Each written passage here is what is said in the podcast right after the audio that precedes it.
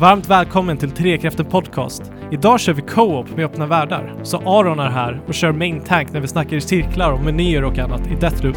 Såväl som guider oss i andevärlden när vi tar ett djupdyk i Kena, Bridge of Spirits.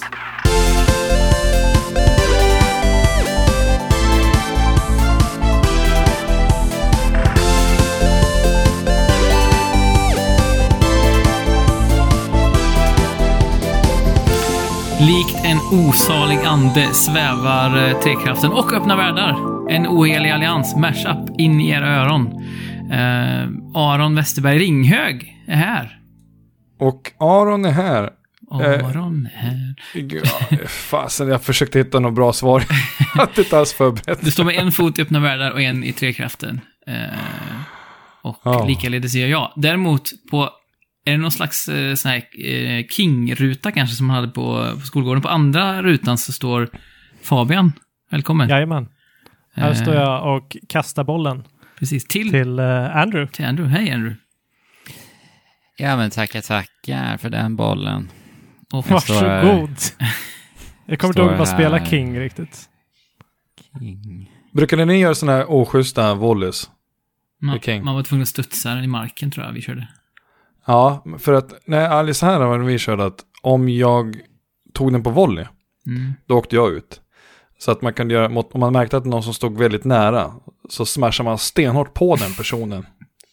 För att då blir det den som åker på volley. Det. det är inget vi, Men det ju inte så snällt. inget vi rekommenderar eh, våra lyssnare att göra. Smasha inte bollen på dina med-King-spelare. Nej. Jag vet inte riktigt hur vi hamnade på skolgården, men eh, vi, det var väl där vi började vårt spelsnack, eh, de flesta av oss i alla fall. Eh, och eh, nu sitter vi här i två podcastar simultant. Hur går, alltså det är helt otroligt. Vi måste vara någon slags metafysiska fenomen som klarar av att göra det här. Mm. Uh, alltså, Som en skolgård. Mm. För, för min del så eh, kanske det är så att jag inte fick den skol, skolgårdssnacket med tv-spel för att ingen var riktigt lika intresserad av tv-spel som jag var på min skolgård i min kla- klass. Så ropade jag liksom bara. kompenserar för, för alla år. Ja. Dub, Här dubbla, dubbelpipig podcast för att kompensera. ja, Du bara stod och ropade ut så här, bara ekade i, i de här I tegel, tegelbyggnaderna.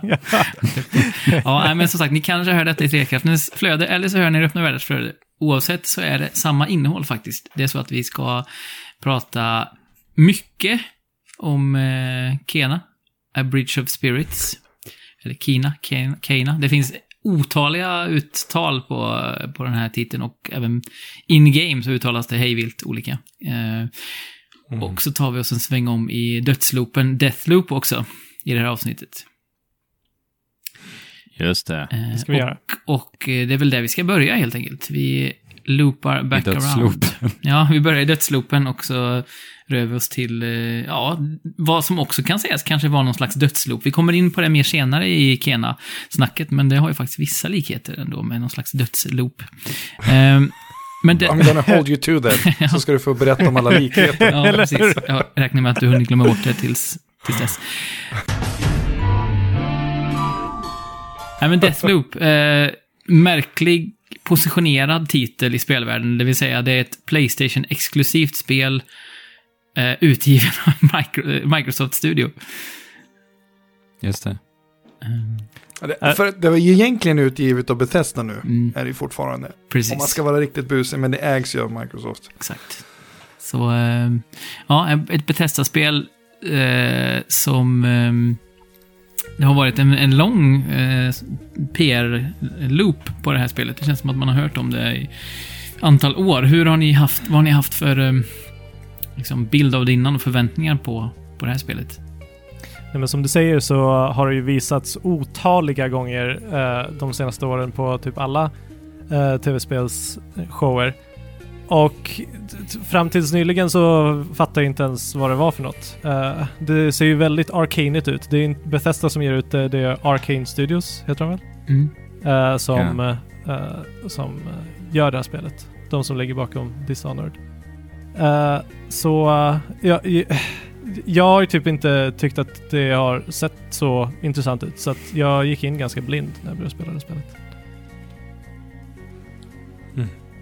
Hur var det för andra? Jag... Eh, förlåt Jesper? Nej, jag ska bara säga hur var det för er andra? Eh, när började ni liksom få upp ögonen för att det här var faktiskt något ni ville ta er an? Nej men, när det stod Arcane som utvecklare va? Ganska tidigt med Då andra var det dags. Nej men jag, eh, jag gillar ju ändå eh, deras tidigare spel. Eh, Dishonored 1 och 2 framför allt va. Jag har ju inte spelat Prey. Som kom här ganska nyligen. Är det, Och är det något spel som jag har hört otroligt mycket om så är det Prey eftersom att jag jobbar ju för Bethesda en sväng. Eh, disclaimer. Å andra Ja, sidan har inte jag spelat Deathloop så jag behöver kanske inte lämna någon disclaimer. Men, men det snackas ju oupphörligen om det som det spelet som är eh, ja, kanske Bethesda-katalogens mest underskattade. Prey. Mm. Jo precis. Det är definitivt ett spel som jag vill spela någon gång, men det har liksom fallit mellan stolarna lite. Mm. Finns ju på Game Pass nu också ju. Hallå. Ja, Det finns ju Ingen det. ursäkt. Men Med eh, FPS boost va? Just det. det är det. Men, Det är lockande. Jag spelar 3000 frames per sekund. Bara en sån sak. Ja, min, min dator coolt. klarar ju inte det förrän jag upp, uppgraderar den. Eh, därför har det ju varit jäkligt gött att spela det här på PS5. Uh, Mm. På tvn. Uh, alltså, så- så fort jag får ett tillfälle att spela på PS5 nu så är det en fröjd. För Mm. att min, min dator, eller PS5 eh, klarar av eh, mycket mer grejer än vad min dator kan göra just nu. Så att, Men Alltså, det är fasen något båt. Med de Det var- nya konsolerna ändå. Alltså det, spelen rullar så fint. de Allihopa nästan. Ja, det känns så bra bara direkt trycka på knappar liksom. Exakt. Det, går, ja, men det- känns som att eh, konsolerna verkligen har hittat eh, hem efter, efter att ha varit lite på stapplande ben eh, efter PS3-eran eh, Mm. och även lite PS4-eran fortfarande. Nu, nu har det liksom nått upp till berget på något sätt. Nu funkar Nu är- knapparna igen. Nu funkar, Nu funkar knapparna. nu funkar knapparna. Det, det känns inte som att de kompromissar lika mycket eh, på, de, på Mm. de spelen som vi har. eh, Ja, Men tycker vi att knapparna funkar i? Men det är en fråga, alltså, det är därför vi har samlats här. Ja, det är vet varför vi går recensionsfrågan. beat around the bush. Funkar knapparna? Mm. Ja, Jag tycker de funkar bra ändå. De har lite motstånd och, och sådär. Framförallt eh, X och, eh, alltså X för att hoppa. Två gånger dessutom. Mm. Den klarar ju det i två snabba liksom, Mm. följder. Eh, så att man hoppar en gång genom att trycka på X. Och sen direkt i luften trycker man på X igen. Det låter som och gott. att den inte fastnar. Men Det är lite extra frustrerande att man behöver en slab också för att utföra det där extra hoppet. Då. Ja, menar du att det är extra frustrerande att trycka på X? Nej men just eh, eh, loopmässigt i spelet. Va? Just vi det, behöver Just ta det. Du det måste, extra steget. då. du måste välja att eh, ha den equippad på dig. Men eh, med det sagt så gör du det i menyerna. Eh, Mm. Mm. Och menyerna i det här spelet eh, är, är, är väl, de känns moderna på ett uh, osexigt sätt. Mhm. jag tror du skulle säga att det var liksom eh, Persona 5-klass på dem, men tvärtom alltså. Nej, det, det, det skulle jag inte säga att de är.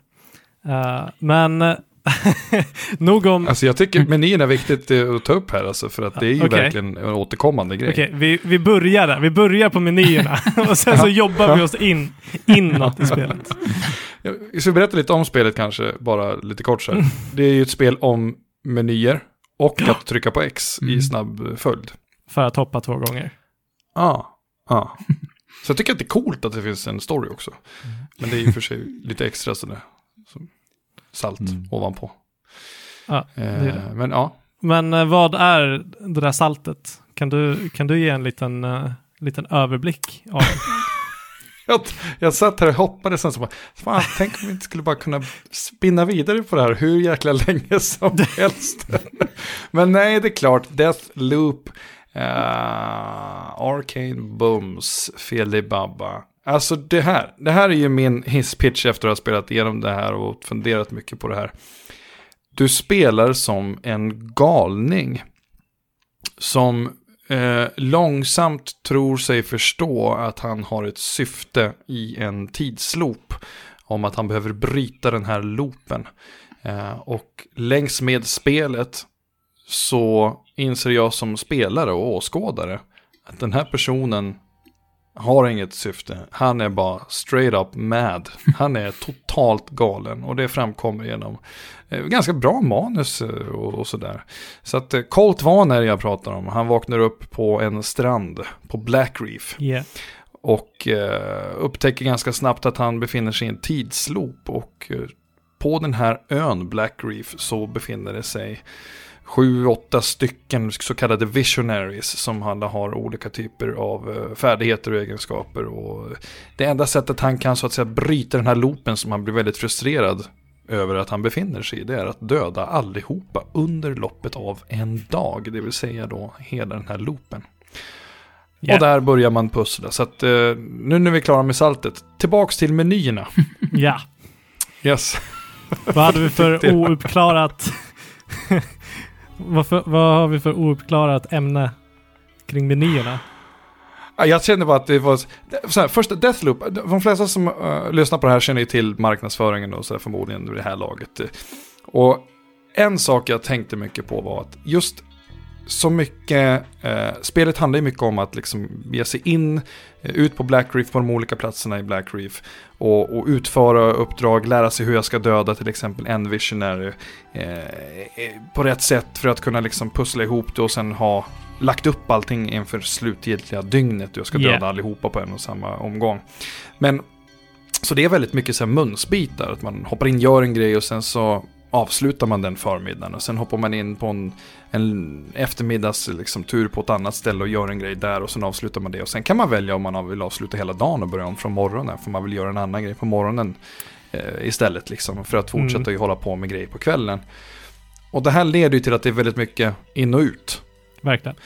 Och, och jag tänkte mycket på det, för att vara ett Playstation 5 exklusivt spel, eh, på konsol i alla fall. Eh, det finns ju också på PC, men det är väldigt mycket laddningsskärmar har jag sett i Deathloop. På ett sätt som kändes som att, hmm, varför är det så? Ja, jag, jag, jag har inget svar på den saken, men det var en sak jag tänkte på. Eh, ja. Och jag tänkte extra mycket på det efter att ha spelat Kina som vi snackar om sen. För Kina, Men- det är också till, det är en mycket mindre studio, mycket mindre erfaren studio. Släpps både PC och Playstation 4 och Playstation 5. Men där, där snackar vi att de har utnyttjat SSD. Mm. Eh, ja, visst. Och det är just tack vare SSDn som vi kanske inte behöver vänta så mycket som vi annars skulle behöva göra. Eh, Nej. men bara en liten asterisk kring det. Um, asterisk.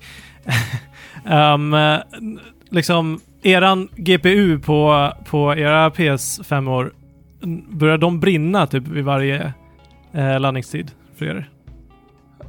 Åh, jag har inte lyssnat, jag håller på med, jag spelar bara med lurar. Okej. För att min, Ja, Min jag har lagt märke PS5 till. gjorde ett hemskt ljud vid varje laddningsskärm i Deathloop. Eh, Okej. Så att jag... det, det, var lite, det kändes lite som att balansera på liksom en lina över helvetet varje gång jag körde igång det. För.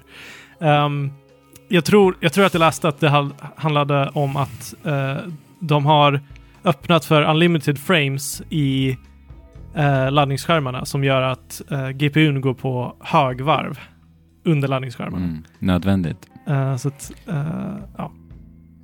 Men det går ju Nej, snabbt men- ändå, tack vare våran SSD. Mm. Och den här, loop, den här eh, loopstrukturen eh, tycker jag är riktigt nice och än en gång Men, väldigt... men, men, men. kan vi inte vara... Jag tänker så här, för att... Bara för att återgå till så här, eh, min pepp innan införda spelet Ja, och så okej. vidare och så vidare. Och hur vi har... Men det går in i det här Fabian, det lugnt. Yes. Eh, hur vi har eh, ehm, peppat inför det här spelet. Så just den där saken, alltså konceptet och hur upplägget är, det är faktiskt någonting jag ändå... Men med facit i hand så inser jag ju att eh, det var ändå eh, lite annorlunda än vad jag hade, vad jag hade förväntat mig ändå. Eh, just Mm. upplägget. Eh, för att det är ju, som Aron var inne på, det är ju liksom separerat i delar av dagen. Mm. Så att det är inte en loop egentligen, utan egentligen så är det ju fyra separata loopar i den fullängdade dagen, så att säga. ja, precis. Eh, vilket skapar det här som Aron nämner då, att man hoppar in och ut in och ut. Eh, så att det vill jag bara förtydliga, för det är ändå någonting som jag inte tycker att de kanske har gjort det bästa jobbet med att så här, ändå, inte för att det kanske skulle behövas, men jag tycker ändå att, det, jag tycker att konceptet och upplägget är intressant och jag tycker ändå att utförandet är bra med vad det liksom låser upp i, ja, typ strategiskt tänkande och hur du ska ta dig an eh, de här olika Mm. uppdragen och olika eh, omgångarna om man säger så. Ja, det, det gör ju det. Och eh, vad, vad tänker du att alternativet skulle vara? Som du hade tänkt dig att allting, att... För, att det är en dag, punkt att det är en dag och sen så, sen så kan du utforska hela ön under hela den dagen. Liksom. Ja. Eh, Som eh, vi har sett andra spel tackla denna Ja, typen exakt. av koncept. Jag kan ändå tänka någonting. mig att det har varit medvetet för att, för att dela upp det i eh, de här segmenten och göra det liksom tydligt för spelarna vad som händer och vad de kan göra. Det hade varit mycket coolare att ha en, eh, en, en värld som eh, liksom progresserar under en hel dag, precis som eh, eh, Outer Wilds eller Majoras Mask. Liksom. Eh, men Det blir ett eh, fasansfullt mycket enklare spel att faktiskt utveckla också. Med Precis. tanke på att du påverkar event senare på dagen och så vidare. Om det Precis. händer, skulle hända i realtid beroende på vart spelaren befinner sig och så vidare och så vidare. Alltså det blir ju väldigt mycket mer avancerat. liksom. Precis, precis. Ehm, och med det, med det liksom i åtanke att det bara är eh, if, if statements som, som eh, eh, Mm. säger vad som kommer hända på ett, ställe under en viss typ av dag beroende på vad du har gjort i ett annat ställe på en annan dag gör ju att eh, det blir liksom mer förståeligt för spelaren. Det Eh, tydligare med vad, vad, hur man påverkar spelvärlden. Ja, Precis, man behöver inte ha, eller det är ju klart att eh, spe, spelet gör ju ganska eh, bra jobb att samla ihop den eh, viktiga informationen som man samlar på sig och liksom leda dig till dit du ska. Och jag vet ett inte väldigt om bra jag, jobb skulle jag säga. och, men jag vet inte om det är liksom lite, eh, jag känner att det underminerar lite vad eh, spel, spelet skulle kunna vara eller vad spelet vill göra. För att då blir det hela den här grejen att man går på ett band igen. Mm. Även om du har precis. liksom gått, gått och utforskat i eh, ett ställe och du får ny kunskap. Eh, men, men nödvändigtvis behöver du inte ta till dig den kunskapen som i till exempel Outer Wilds. Eh, där du måste liksom processera informationen på ett sätt. Exakt. utan, utan du hittar en ny bit av information och om du vill så kan du pussla ihop på ditt eget huvud. Men för att progressera spelet så är det absolut inte nödvändigt. Nej, alltså det är ju lite som att eh, läsa läxa inför ett prov. Eh, jämfört med att eh, göra en syssla och lära sig om hur man gör den sysslan. Så Mm. man kommer ihåg det liksom. Och där tycker jag väl också att det är till på gott och ont att just Deathloop eh, kör det för det förstnämnda där. Att det är liksom i slutet av dagen som jag pratade lite om, pratade tidigare om det här att just i till spelets för och nackdel så kan jag när som helst, eh, om jag känner att jag har kommit bort från det, jag har spelat andra grejer, vad ska jag göra liksom? Ja, gå in i mina menyer, menyerna ni vet, Ja. och eh, välj ett eh, mission, set en waypoint, go there. Ja. Och så Ja. gör jag bara det. Och så kommer jag dyka upp en ny. Och så gör jag bara nästa. Så att det kommer alltid gå att bara liksom knuffa mig in och framåt genom det. Ja, exakt. Eh, sen är det ju som ni säger, just det, det är ju... Det hade ju varit coolt, eh, och det här är ingenting Outer Wilds heller gör bra, eh, eh, även om det är så att det jobbar med en annan mekanik, så jag kanske inte kan förebrå det på samma sätt, men det hade varit coolt om jag, hade, om jag vill lista ut saker och ting själv, om jag vill förstå hur jag ska göra vissa grejer. Um, sökmotor vore grymt. Om jag vill veta till exempel allting om Mm. Visionaryn, uh, Alexis till exempel, eller, eller, eller Frankie liksom. Då vill jag kunna, tänk vad skönt att kunna söka på det namnet och få upp alla leads jag har på den Visionaryn. Mm. Så att jag kan börja säga, okej, vad är det jag egentligen ska göra? Men här behövs det ju inte. Alltså det är ju verkligen ett, eh, det är ju, det är ju lite eh, en räls. Och sen så kommer ju Mm. Magin som många har såklart blivit förtjusta i kommer ju i, i manuset och leveransen av rösterna och, Ja, och liksom låren i världen som man kan upptäcka. För att det är ju också en grej som är väldigt tydligt så här, men det här är inget Outer Wilds eller, eller 12 minutes eller you name it, utan här kan du gå in på morgonen på ett ställe och bokstavligt talat springa omkring och hoppa på hustaken i tio timmar utan att tiden förändras. Liksom. Ja. Du går därifrån när du känner för det, punkt Mm. slut. Hur eh, påverkas hela det här kalaset av eh, det andra stora, eh, vad ska man kalla det, bullet pointen i spelets eh, marknadsföring. Det vill säga att man kan invadera varandra. Att det finns en karaktär som jagar och en som är den jagade. Det är en kvinnlig eh, eh, huvudjägare, men vad heter det? Lönnmördare som försöker då komma Mm. åt en. Och det kan vara en AI-styrd, eller Ja. det kan vara en mänsklig spelare. Eh, alltså i de bästa av fallen så är det här fantastiskt. Mm. Eh, det är verkligen, du, du är liksom inne i eh, ditt mission, du har liksom så här, nu ska jag göra det, så ska jag göra det och sen ska jag göra det. Eh, och sen så, sen så blir du invaderad. Och helt plötsligt så blir du bara paranoid och du stoppas i dina, dina tracks och du måste förhålla dig på ett helt annat sätt till världen. Eh, och då när du, när du byter kulor med, med den här som invaderar dig eh, så måste du kämpa för ditt liv. För att det kan vara så att du har samlat på dig massa saker eh, som du inte vill förlora och om du dör tre Mm. gånger så förlorar du allting. så att det är mycket som står på spel. Som tur är så, jag tror att det är så i alla fall, att mänskliga spelare kan bara invada de första fem minuterna när du har landat i en ny plats. Men en Ah, AI okej. kan invada även mot slutet. Mm. Right. Så att en människa kan inte griefa dig. Det hände för sig mig ändå, men, ja, en men, människa Ja, en kan inte griefa dig typ efter 20 minuter samlande. Mm.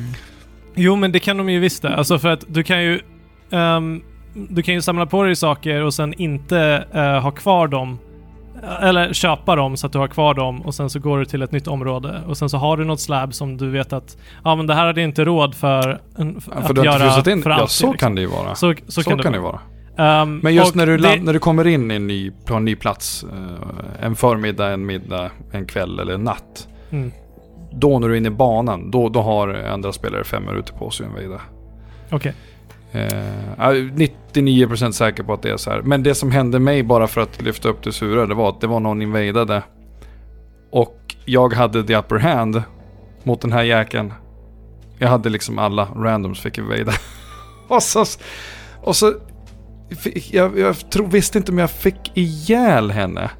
Eh, alltså Juliana då som är eh, och liksom glömde bort det för jag fokuserade på alla andra fiender. Så fortsatte jag liksom att vara hela tiden på med vakt genom hela banan och visste att den där jäkeln sitter någonstans och Mm. väntar. Eller så har jag wasted den eller så har den bara hoppat ur spelet. Och mycket riktigt, ah, på slutet där så kom den där jäkeln hade väntat. Och, Åh, bra. och jag vart ju wasted första, så vart jag på helspänn, wasted andra och sen vart jag hur nojig som helst och, och bara försökte löpa bort och då vart jag wasted av NPCs. Jag var så arg. Men fantastiskt också. Riktig Alltså, griefer. Den känslan som du hade då, det var ju panik, förlust. Mm. Tårar. Ja, Det var också det som fick mig att ställa om till bara vänner efteråt. okej. För jag är bombsäker på att det finns en jäkla expert griefers som bara, ja, jag vill in här på, på uh, Freestad på morgonen. För då kan jag alltid sitta här där de alltid måste gå och så bara, Ja. Lurar vid det där minfältet. Bara vänta tills Cole exploderar. Men, Men jag, jag tyckte ändå om den, den här implementationen ganska bra. Åtminstone inledningsvis. För att det blir ju lite en nymodighet. Så när det här sker typ, ja, jag vet inte, sex eh, till tio gånger Mm, för dig. mm. Då blir det lite så här, ja, ja, igen liksom. Men spelade ni eh, själva? Jag spelade faktiskt online genom hela spelet. Alltså jag menar, spelade du själva som Juliana? Ja, nej, jag, jag ja, testade. vi kan ta det sen. Ja. Men med mitt skogsinternet så lyckades jag aldrig hitta något rum. Nej, men jag, jag, upp. tror inte, jag tror inte att det har med ditt skogsinternet att göra. Jag tog en kväll och bara, nu ska jag spela som Juliana. Eh, jag var tvungen att vänta i minst en kvart innan, Okej. innan jag hittade Ja. ett spel. Eh, så att det sög. och ville jag aldrig göra om igen. Ja, nej men eh, jag tyckte ändå om det överlag.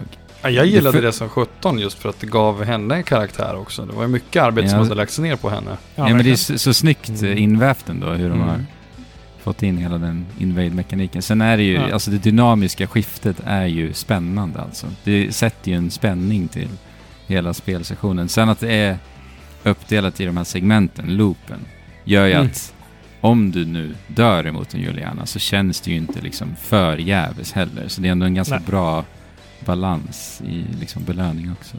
Mm. Och bestraffning. Det är väl ingen... ehm, man har ingen möjlighet att kommunicera med varandra, va? Varken i text eller Nej. voice. Nej. Det är rätt skönt. Men Det hade kunnat bli riktigt jobbigt. som, eh, som Juliana så kan man ju psyka... eh, eh, man kan ju psyka varandra genom att typ så här, spränga saker och... eh, Man kan väl utsmycka sig med lite kosmetika också för att Ja, kanske det kan flasha med att man har något ascoolt på sig. Jag vet inte. Kan man blända... Kan man, dödat 70 andra som du. ja, men kan man, klä, Ja, kan man klä ut sig och, och blända in i... Eller liksom, Juliana har en sån eh, förmåga Mm. att hon, eh, hon- tar över en kropp helt enkelt. Mm. Det är faktiskt vanlig grunt. Att gå runt och försöka röra sig som en NPC för att den andra spelaren ska tro att man inte är en mänsklig spelare. Jag vet inte om det går. Ja, men det, jo, men det går. Man står still på ett ställe, rör sig försiktigt in i en dörr. så, alltså det känns så konstigt att göra, men eh, det var någon gång jag, jag, jag, jag eh, tänkte att jag skulle göra det. Och så, så ser jag ju andra NPCs rör sig liksom. Men då blir det efter ett tag som att jag säger, vänta, okej vad gör jag här egentligen? Är jag jagad? Behöver jag göra det här? Nej, jag ska ju jaga den där jäkeln, för jag är ju... Det är det som är så skönt, alla NPCs är ju på ens egen sida. När den är, Men du får ju bara chansa också, för du ser ju, det är ju ett första persons perspektiv, så Mm. du ser ju inte. Ja, nej, precis. Nej. Jag har ju sett hur andra ser ut. Jag har ju sett andra, andra försöka göra samma sak också. och det är ju, man märker det är när det börjar, när en, spe, när en, en NPC börjar strafa åt vänster och höger, då, tänk, då syns det direkt. Det. Då är det kört. Men om de står helt still och tittar på något dum utsikt eller går långsamt på ett ställe liksom. eh, Eller springer mot en vägg och stannar upp och springer mot andra väggen på motsatt sida och stannar upp och sen går långsamt därifrån. Ja, Du vet, ja. Ja. ja. Mm. Har ni sett Det- Free Guy? Ingen har varit expert ännu. ba- bara en parentes, har ni sett Free Guy, den här uh, tv-spelsinspirerade eh, Ja. nya filmen? Nej. Där Såg ser man verkligen hur spelare spelar. Ja. De har gjort det jäkligt bra. Mm. Som ut som en Verkligen. där. Ehm, Jag har bara liksom...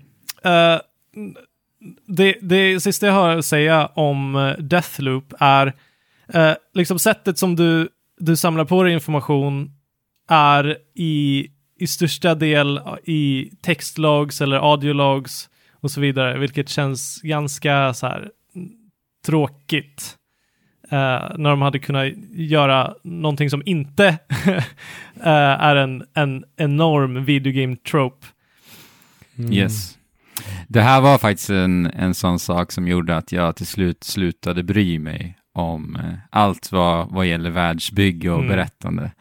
Alltså det blev, jag blev liksom kognitivt överbelastad av allt det här, så jag orkade inte till slut. Går det att Eh. röra sig samtidigt som man lyssnar på audiolog? Så det är vissa spel är Absolut. Ja. Ja, så jobbigt. men det man- kan, jag, jag klarar ju inte av sånt i spel. Jag kan inte lyssna på eh, story och berättande som berättas Nej, är samtidigt som jag spelar. Det tycker jag är jätte, jättesvårt. Eh, och det här spelet gör ju det, alltså väldigt, väldigt mycket. Eh, så att spelet tappade mig rätt rejält på den fronten. Eh, så att Mm. här jag var och stanna för, det var ju eh, spelmekaniken faktiskt. Ja. Och Ar- Arcane Studios är, det, jag sa tidigare att jag tycker om deras tidigare spel, Dishonored eh, framför allt. Och det är ju väldigt mycket eh, på grund av spelmekaniken som jag tycker är fantastisk. De har ju eh, gjort ett fantastiskt jobb med att eh, blanda både stealth-moment men samtidigt väldigt, väldigt liksom snappy action. Och eh, den kombinationen och balansen mellan de här som de har hittat tycker jag är bland det bättre ur ett stealth-perspektiv i alla fall, eh, som finns i spelvärlden. Eh, och eh, Deathloop är ju så otroligt tight och responsivt att spela och det känns jäkligt bra. eh, att kontrollera. Framförallt när, när det också är så här en konsolversion utav ett första personspel. Alltså hur de har ändå fått känslan att bli så bra. Ja. Men, Eh, Med du, DualSense också. men, var är min gyro? Ja, jag vet. Jag, jag, det är bra att vi... Den där frågan ska ju vi ständigt ställa. Varenda gång som Var vi pratar om ett spel. är Som, min gyro. ja, precis. Alltså, Jag vill ha kebab nu. Jag tänkte, jag tänkte detsamma. vi, vi tänker inte på mat, utan vi tänker på uh, gyroskop i kontrollen som Mm. eh, när man... eh, det är inte mat liksom, det är en Besviken. nu. kontrollmekanism. Rörelsekänslighet så att vi kan sikta helt enkelt va? Så att, vi, ja, så att vi kan sikta med någon typ av pricksäkerhet med en kontroll och spak. Mm. Speciellt i det här spelet. För att det är ganska ofta som ni vet, man nästan dammsuger vinklar och vrår för att typ plocka upp ammunition eller leta febrilt efter de där audiologsen och de där papperslapparna. För att det ska lysa någon form av så här Ah, eh, ja, shader runt, runt lapparna. Ah. Och eh, att göra det utan precisionssikte, det är oväntat frustrerande ibland tycker jag faktiskt. Ja. Nej men, och Ja. i de tillfällena så vet man ju inte. Jag, går, jag gick aldrig ut genom ett rum, eller ut från ett rum, eh, och kände att jag var helt säker på att jag inte hade missat någonting. Av, Mm. eh, eh, Precis. av placeringen och liksom hur, hur små saker kan vara ibland. Liksom. Men Mm. ja, Eh, speciellt också när vi har DualSense, en jättefin kontroll eh, som, eh, som har gyrfunktioner. Jag menar, Ja. vad är problemet? Är det så svårt? Att De få, tror att inte få på till det. Antar jag. Börja tro på det. Det är... Alltså det, det är ett så bra, ett så bra komplement till, Mm. till, till sikte på, med kontroll. You gotta do Det what? Så. Implement Giro. You gotta believe. Ska jag svaret vara. Ja. Okej. Believe in you. Men eh, vilka förmågor har ni fastnat för? Eh, Blink Det är såklart. det jag tänkte, jag, jag behöver ingen. Det är bara att köra Nexus. Ah, Okej, du köper den Nexus alltså. bums. Ja. Mm. Round them up. Precis, det är den när man kopplar samman. Visst var det så? Absolut, ja visst. Ja. Topp, topp, topp, topp. Och så Ja, med, nice. ett par uppgraderingar så börjar NPCerna, när, när en har Nexus så går mot en annan som inte har Nexus då, då, då blir det som en magnet. Ja. Suger de åt det. sig. Så att äh, det är ju några, finns ju några fantastiska sekvenser där man bara har en, en rapier redo eller en, en eh, den gyllene, liksom den här Golden Tribunal eh, som man får tidigt. Och, och, och så kommer en grupp. Nexus först och sen ett skott så är alla ner. Sen nästa. ja, det är Nexus. Poff. Det går ju både i stältläge liksom eh, och eh, när de kommer och ruschar emot den. Nej, det är- overkill. Den, ja liksom. den är god alltså. Det låter som eh, i Dragon Age Origins när man hade sin ismagiker som frös ner. Och sen kom man med stora klubban med en annan karaktär och bara splittrade karaktärerna i tusen bitar. Om och om igen, Mm. upprepa i 60 timmar. Jag tyckte Mm. att det var svårt att inte ta med mig Blink. Mm. När jag väl hade fått den. För att Heter den, inte Shift så- i det här? Den heter väl Shift kanske? Ja, men det är ju Blink. Det är ju deras klassiska förmåga Ja. i Arcane-spelen. Jag är Ja. enig Fabian, det var svårt att slita sig från den alltså. Den är så tillfredsställande körde- och användbar när du, när du hoppar på hustaken. Och... Men Jag, jag körde Aether istället för... för vilken var det Shift. nu då? Osynlig. Just det. ja. Ja, Men- den, Här Men- har jag en liten poäng jag ändå vill framföra. Eh, Som Mm. jag ändå ser med Deathloop här. Eh, som jag till viss del kanske kan sakna lite. Alltså just eh, hur Deathloop ändå faktiskt lite så här begränsar vad som jag tycker ändå har gjort deras tidigare spel så, så himla fria i Mhm. hur du eh, liksom tacklar situationer. Det öppnar upp lite mer för att improvisera som spelare eh, Mm. i, i framförallt Dishonored. För att där har du ju haft, i sluten, alltså sluttamperna på Dishonored-spel, då har du ju liksom ett helt vapenhjul av asballa förmågor liksom. ja. Eh, och jag saknar lite det i Deathloop. Att så här, här behöver jag, liksom innan jag ger mig ut på en av de här eh, segmenten under dagen, så behöver jag liksom ha en eh, ha min utrustning satt. Så här, de här ska Precis. jag använda för den här situationen. Så jag kan till viss del tycka att det är lite synd att spelet inte låter en bara gå fri i liksom hur du experimenterar med de här. Ja, men speciellt förmågorna, Ja, som du säger. precis. För de är Men inte så många. samtidigt, Ja.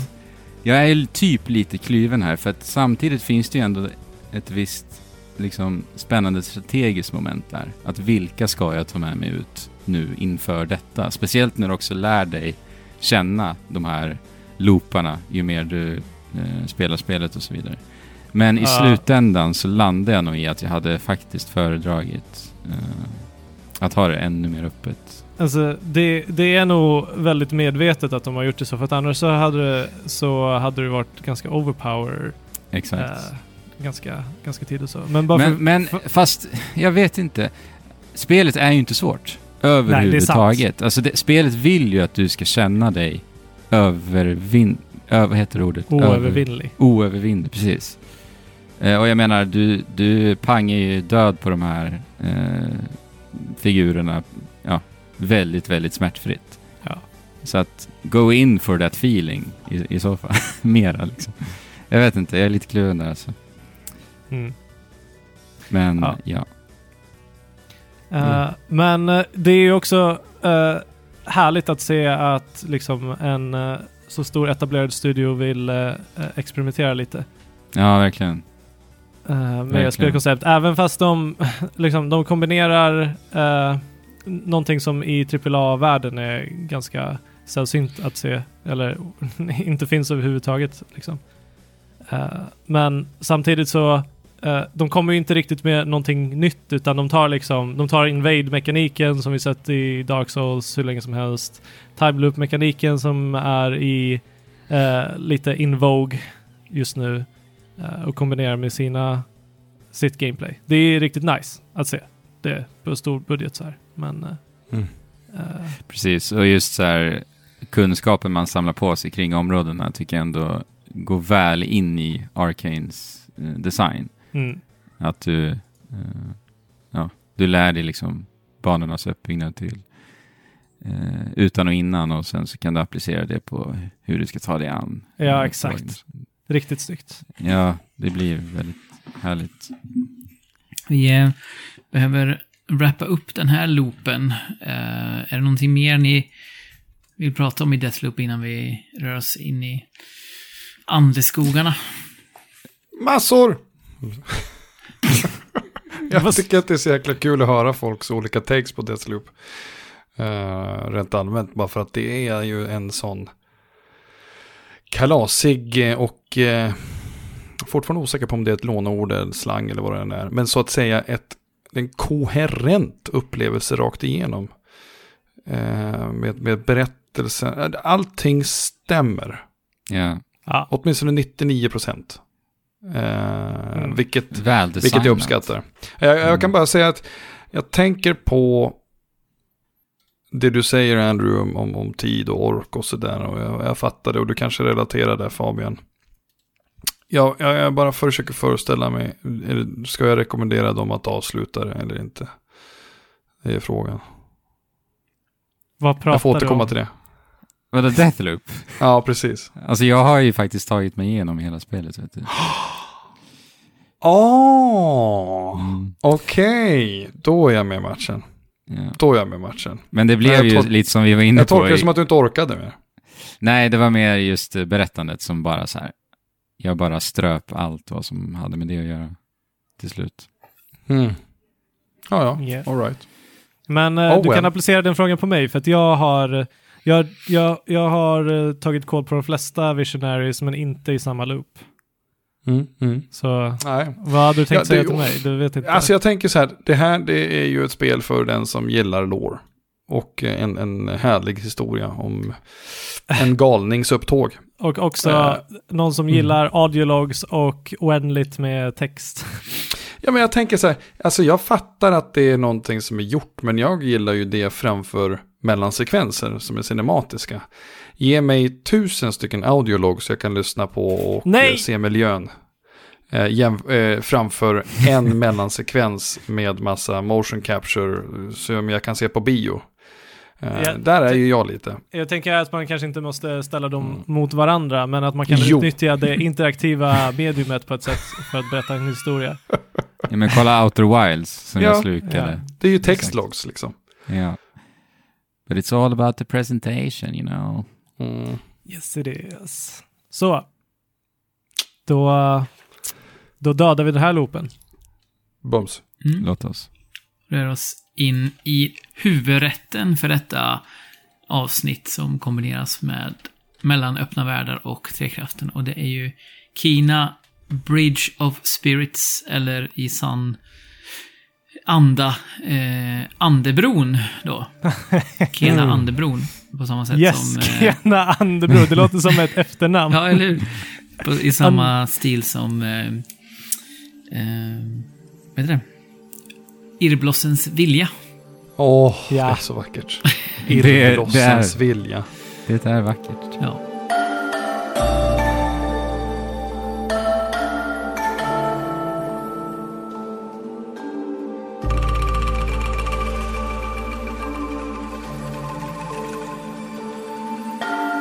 Men det. vi har spelat eh, Kena Bridge of Spirits eh, som ju är en debutantstudios ja, första spel då, följaktligen.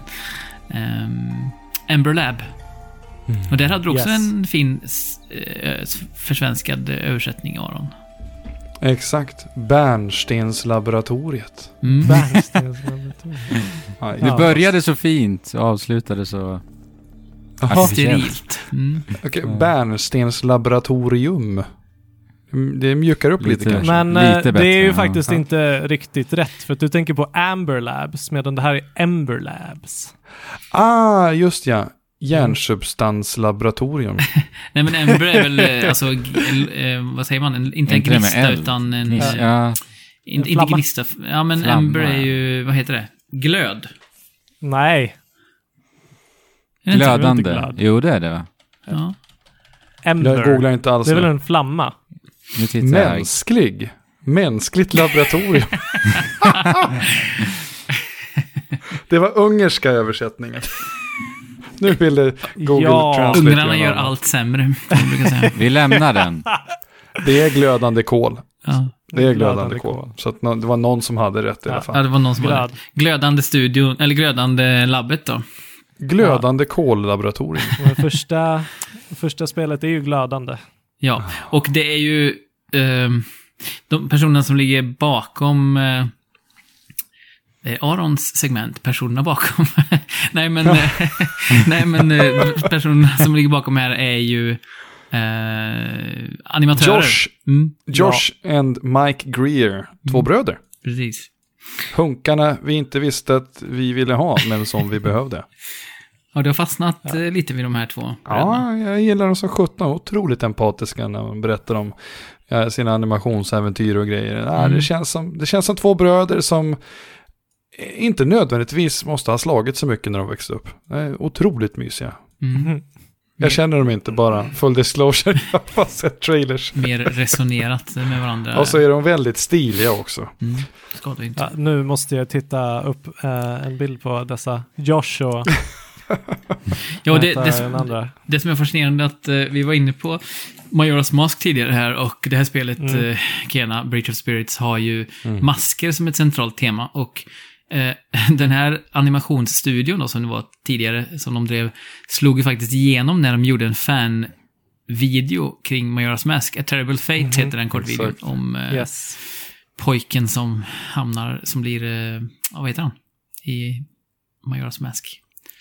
Du menar Skull Kid? Skull Eh, Kid. Skull Kid. Exakt, precis. som handlar om Skull Kids origin story. Och det var ju faktiskt den här studions stora genombrott. Och sen så har de Mm. gjort då en massa eh, animationer till diverse sammanhang. Men, Småföretag som Coca-Cola och Major League Baseball och sådär. Men, men uh, Majora's Mask var ju the big thing, så är det ju. ja. Eh, ja, men alltså alla, även om du, oavsett om du är eh, intresserad av Ken eller inte, så titta upp den här eh, animationsvideon. Det, det, det var ju hur länge som hur länge sedan som helst som, som de gjorde det. Det måste vara typ tio år sedan eller något. Jag Den är, trodde du skulle länkad säga... i, den är länkad i show notes. Jag trodde du skulle säga Fabian, titta upp de här två bröderna. Ja, men det måste jag göra nu. ja. Ja. Nej, men och, och det... allting som har på förhand visats, alltså det, det var ju då egentligen, för mig i alla fall, jag upplevde det så som att det var liksom eh, huvudnumret i Playstation Showcase. Eh, när de första var det visade, då? Ja, Sizzle Reelet där man fick se en massa olika titlar, bland annat också ehm, Returnal, på tal om det. Eh, och så. Och då var ju bland annat då Kena Bridge of Spirits med där. Och för mig var ju den stora, det som stod ut ifrån den presentationen. Ehm, Definitivt. Det var lite tappa andan när det dök upp alltså. Ja, precis. Och eh, presentationen, det är onekligen det som står i centrum för det här spelet också när man väl börjar spela Ja. spelet. För att...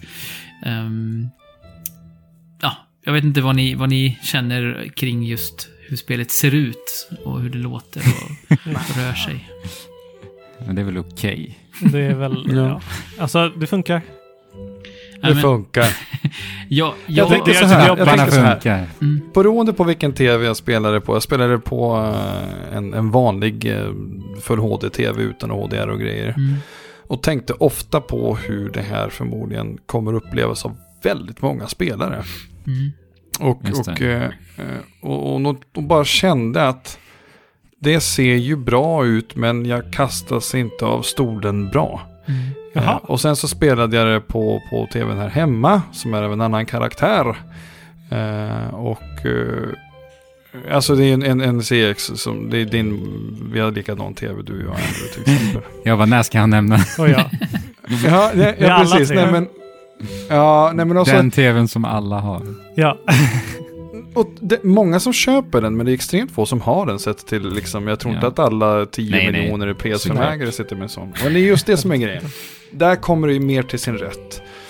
Och just utseendet i sig, jag tänkte många gånger på det jag gick runt och tittade på texturer och värld och sådär och det är ju... Jag tror att det är, det är framförallt Kina, eh, alltså porträttet på henne som, som är... eh, de har lyckats väldigt bra med, eh, ett, vad är det det heter, SSAA. Eh, Alltså anti-aliasing, att, att saker och ting som behöver vara rundade är rundade liksom. Sen ser man att det är kantigt på vissa sina håll och sådär. Men jag, jag vet inte. Jag, jag, det var jättekonstigt. För när jag sitter och spelar vissa sekvenser så sitter jag och bara får en liten minitår i ögat över musik och inramning och sådär. Och sen ibland så bara sitter jag och tänker så. Så här ser väl alla spel ut. Jag vet inte vad det är.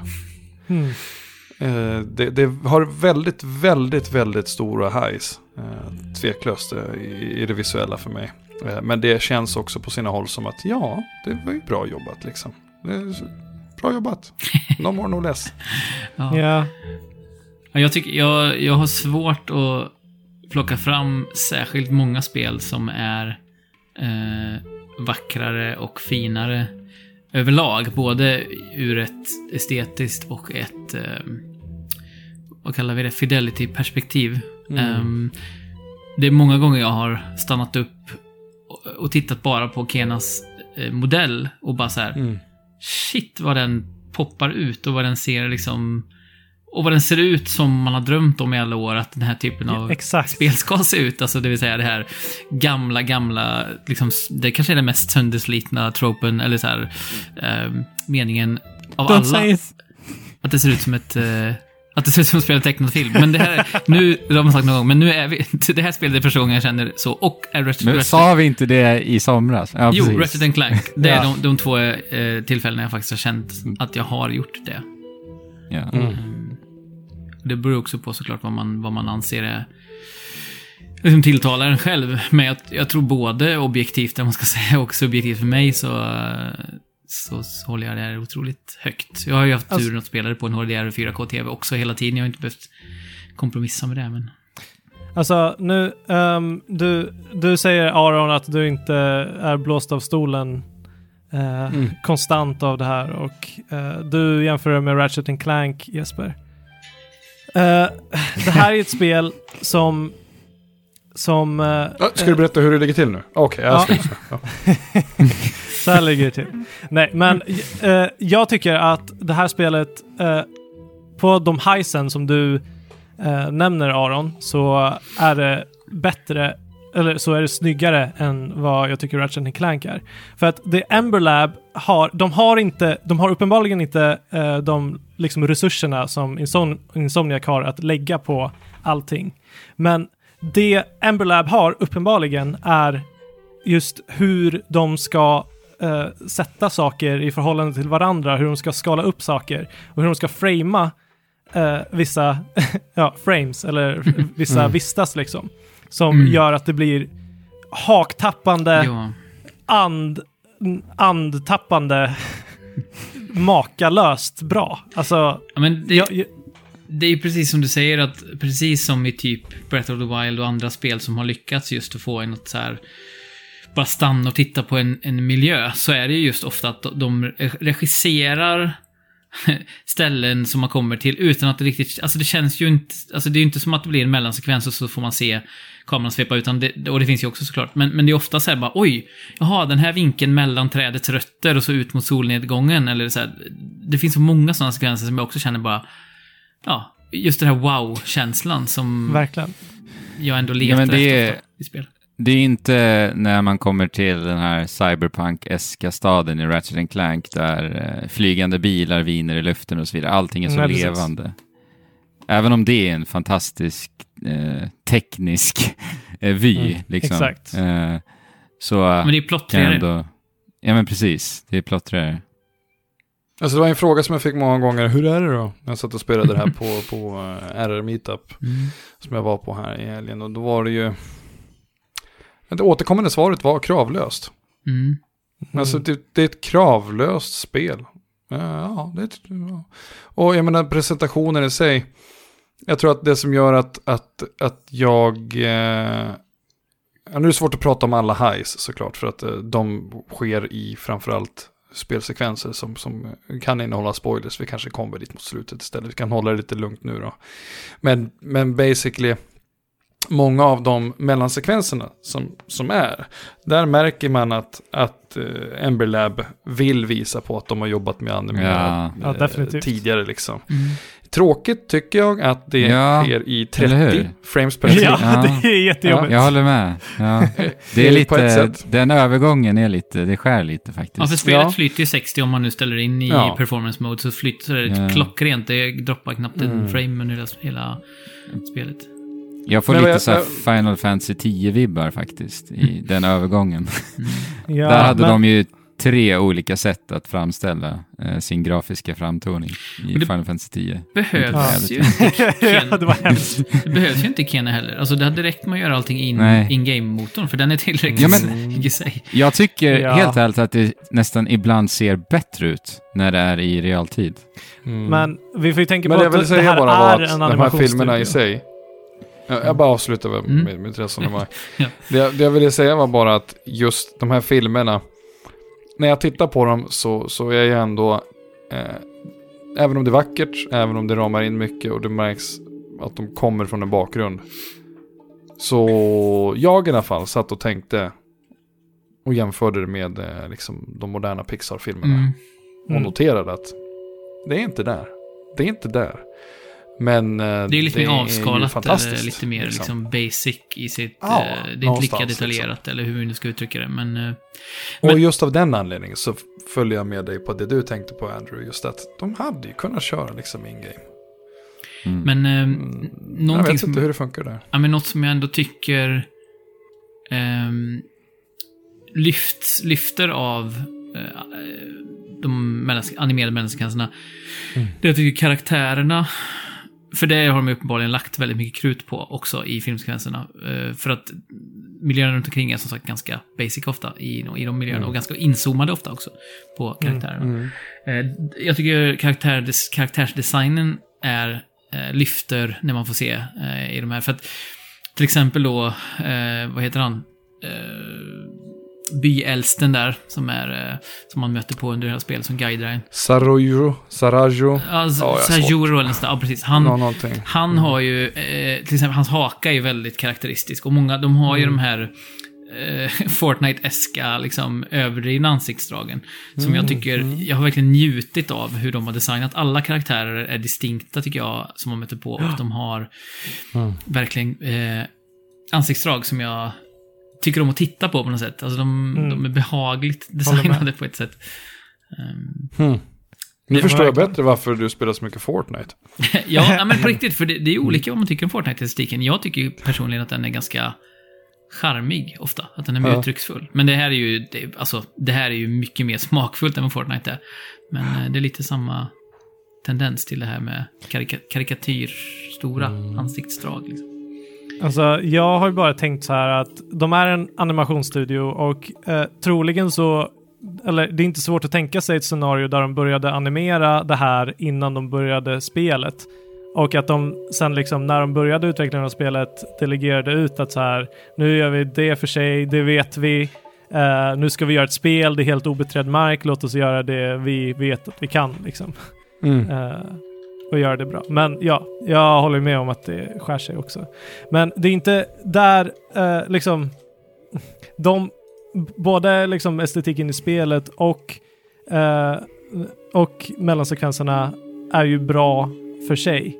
Och jag tycker att de har gjort någonting riktigt nice med just det estetiska Ja. eh, när det kommer till en spelsynpunkt. Att de på ett sätt så här presenterar din destination på ett sätt som gör att det känns...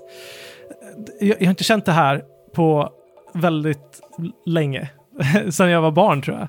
Eh, s- som, som gör att det känns som att du är på ett äventyr liksom. De, Mm. de, du ser liksom destinationen där bort, långt borta i bergen och eh, det är en farlig, ringlig väg dit liksom. Det, det känns lite som att vara Bilbo på väg till, till eh, The Lonely Mountain liksom. Mm. Ja, Som- precis.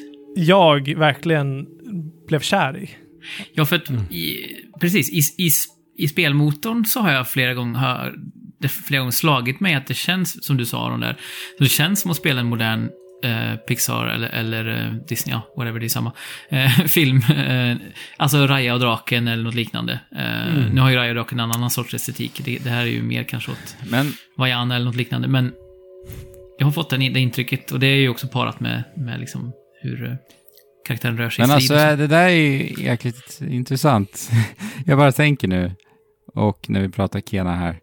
Du sa nu Jesper här, Raya, du sa Pixar. Sen har vi typ, vad har vi mer? Vi har Dreamworks, vi har Sony Animation och så vidare Mm. och så vidare. Alltså alla går ju ändå för inom ramarna snarlik estetik när vi pratar om Mm. karaktärsdesign. Mm. Nu, det här är ett litet sidospår. Jag bara så här, Mm, mm. jag tycker det är spännande ändå varför de hamnar i, i samma, samma korg, så att säga, när det Mm. kommer till den här typen av design. Varför? Varför? Vad, vad kan vi spana i? Jag tycker det är spännande faktiskt. Ja, men ja, en sak är ju att ehm, estetiken överlag är ju ehm, tribal, för att använda engelskt uttryck. Jag vet inte riktigt vad det Mm. svenska motsvarigheten är. Eh, och det är ju lite av en mischmasch. Det är liksom inte en eh, regions eh, tribalism man har liksom porträtterat, utan det är ju ja, balinesisk eh, kultur finns det, det finns japansk kultur, det finns kinesisk, det finns lite alla möjliga eh, in, influenser här. Eh, men överlag så känns det som att ehm, det, är, det är en populär, ett populärt tema just nu. Alltså till exempel Raya och även Vaiana och så vidare. Och jag tycker att det, kom, det kommer också med att det här spelet har superbra representation. Eh, vilket jag tycker också de moderna animerade filmerna verkligen eh, tar hänsyn till. Alltså det, det märks att det finns ehm, en sån grundtanke när, när de så här, ritar upp synopsis för filmerna. Då, då är representation en av grundpelarna. Ehm, och då kanske man hamnar där att ja, men det här är en kultur, eller en, en, en sorts kultur som eh, Mm. Mm. förut inte har representerats så mycket. Sen, sen, sen blir jag lite orolig när jag ser den här typen av eh, porträttering, för det kan ofta bli så här, ni vet, man hamnar i att man, att man ser det från någon slags västerländskt perspektiv, att här, här är de lite vidskepliga, lite så här dråpliga personerna som tror på de här eh, sakerna. Och så, och så liksom gör man det nästan till en karikatyr av, alltså även om karaktärerna var karikatyrer rent designmässigt så gör man en kar- karikatyr av den verkliga kulturen. Och det tycker jag, det var jag orolig för att det skulle bli här, men jag tyckte inte det blev så, utan jag tyckte att de lyckades jättebra. Men det kanske kan vara något där att eh, representation och eh, att det är någon slags så här, Mm. eh, kreativ kan, trend just nu som går. Ja, men det är ju definitivt. jag kan väl tänka mig att det säkert finns alltså det här är ju framtaget under många, många, många år Mm. inom liksom Mm. animation. Så jag kan väl tänka mig också att det är någonting som bara har vuxit fram. Att de har hittat någonting som är liksom visuellt tilltalande. De har hittat någonting som är tekniskt flexibelt. Att eh, det är lätt att jobba med de här typen av proportioner och så vidare. Men sen också, såklart, Uncanny Valley-effekten. Att de har hittat någonting som, ja, får oss att inte dra de parallellerna. Mm. Ja, men där tror jag att du har väldigt eh, inne på någonting väldigt eh, relevant för, för just den diskussionen. Mm. Eh. För ja, Kena, eller alla karaktärer i det här spelet är ju mänskliga och de upplevs mänskliga precis som i Pixar-filmerna och, Mm. och så också. Ja, precis. Det har de ju verkligen lyckats med, både i form av utseende och eh, karaktärisering överlag. Liksom röstskådespeleri och all, alla delar känns ju, förutom kanske de två barnen som man träffar på som första, eller ja, nästan första karaktär i spelet. De tyckte jag inte riktigt funkade, för de kändes Nej. som den klassiska barnproblematiken att, att de, så här, jag vet inte. Det är någonting med dem som gör att, ja men det är väl typ vuxna som gör rösterna och de känns lite så här inte riktigt trovärdiga som barn. Det känns som så här, här är en vuxen som porträtterar ett barn snarare än att det är ett barn på riktigt. Ja, alltså, jag, jag, tänker, jag tycker väl att dialogerna eh, liksom var kanske någon, något av det svagare i spelet. Det lämnar Ja. lite att önska liksom. Det är Jag väl Ojämnt tycker jag. Alltså vissa, är, Där, vissa ja. funkar Mm. skitbra och vissa sämre, tycker jag. Men jag så tror här, att den jag- viktigaste, jag- för mig funkade inte Kina alls eh, så bra. Nej, nej. Vilket var tråkigt. Jag tycker det Kändes känns lite sjä, så. själlöst många gånger. ja, och det, precis. det kanske är en poäng av det, eller hur? Eller hur? Ja, men så här, alltså bara för att snacka om Kina bara på riktigt nu så att jag inte glömmer det. Karaktären Men- Kina menar du? Ja, Mm. the character Kena. Kina. Kena. Eh, att jag kände länge att, att eh, okej, ska det här bli ett spel där jag behöver, för jag vill, jag vill lära känna Kina. Jag vill fatta hennes motivation. Jag vill känna med henne genom hennes ensamma resa. Eh, men jag gör det inte. Ska jag behöva läsa på själv? Ska jag gå på någon vik eller lyssna på någon intervju med de här skaparna och höra liksom vad de berättar om henne? Mm. Men jag, jag kände att jag fick för lite relation till henne eh, direkt inpå. Jag hade besegrat flera bossar innan jag ens började liksom tänka på det här också. Så här, men alltså, vem är du egentligen Kina? Du går runt och gör uppdrag här och det kändes väldigt anonymt. Mm. Och just att jag, jag kan inte relatera med, med den leveransen som röstskådespelerskan eh, lade för Kina. Det är någonting som, som kändes... Det, det kändes som att det gjordes utanför kontexten. Att någon spelade in rösten på ett ställe och sen lades det i efterhand. Alltså, är ni med? Det var någonting som Ja. inte klickade riktigt. Det Ja, men jag håller faktiskt med. Och här tänker jag direkt att så här. Det här är en av de sakerna som jag tänker bara så här. Det är lugnt. Ni är små. Ni Ja. jobbar första Ja, spelet. Exakt. Det är okej fasen. Det är okej. Och det var, Första spelet, alltså det... Ja. ja men verkligen sådär liksom. Eh, Men, men, eh, Men- Det, det tog emot för jag hade velat. Jag menar eh, relativt tidigt i spelet. Så får ju Kina genom en scen eh, möjligheten. Hon lär sig och förstår att hon kan använda sin, sin stav som en pilbåge. Mm. Och där lyckas de på väldigt kort tid etablera en riktig sån här coming of age sekvens. Och där sitter jag bara och gråter. Bara för att jag var äntligen, Ja. åh, som feels, give it to me. Och så bara typ vrider jag på kranarna och ja, ja men det är fint. Men jag Ja. kom, det var piken för mig utan att säga för mycket. Men jag, jag söker ju sånt med den här typen av upplevelser också liksom. Au! Ja, Ja, jag, jag, jag, Ja. jag känner Ja. inte igen mig. Nej, jag, jag känner mig inte... Ja. nej, jag känner inte igen mig. Jag, jag, alltså för det första så tycker jag hennes eh, minspel, både i eh, mellansekvenser och in-game, är suveränt. Jag tycker hon verkligen förmedlar vad hon känner med små subtila eh, Ja, ansiktsdrag. det, det gör hon med animationen. Animationen är jättebra. ja, precis. Animationen är... Och jag tycker det gör mycket, hela, alltså det går, hela, går lång, lång väg. Men jag tycker också att Alltså som sagt, det är lite ojämnt, men jag tycker att eh, i många sekvenser så tycker jag att hennes värme eh, kommer igenom. Jag tycker hon känns som en väldigt varm karaktär. Däremot håller jag med om att jag tycker Mm. man får reda på för lite.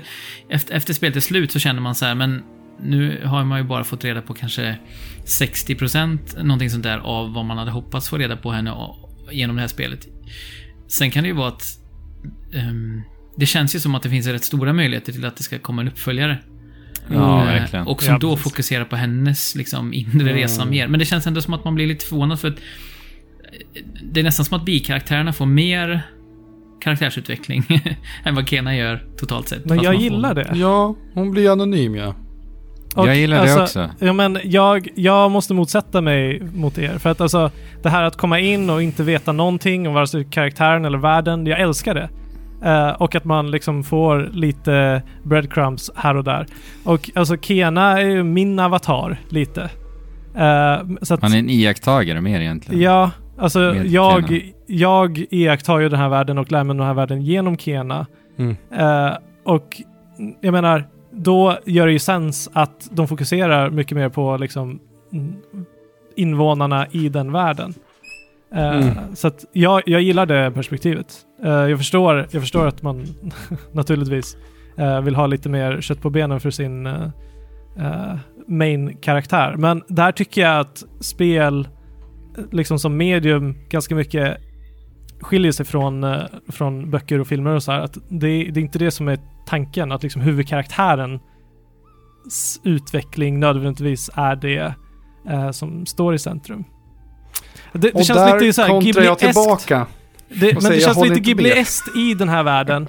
Eh, I Ghibli-filmer så hoppar du bara in i en värld Ja. som, där massa saker händer och massa saker underförstått, men det blir aldrig förklarat för dig. Det, det är en av de bästa eh, världarna jag, älsk, jag gillar att vara i. Ja, nu Men är det ju ja. inte världen jag pratar om. Utan jag tänker på henne. Hon får så pass mycket rampljus konstant. Och det är konstanta mellansekvenser som fokuserar på Kina. Och det är, det är, hon är ett jättestort centrum. Mm.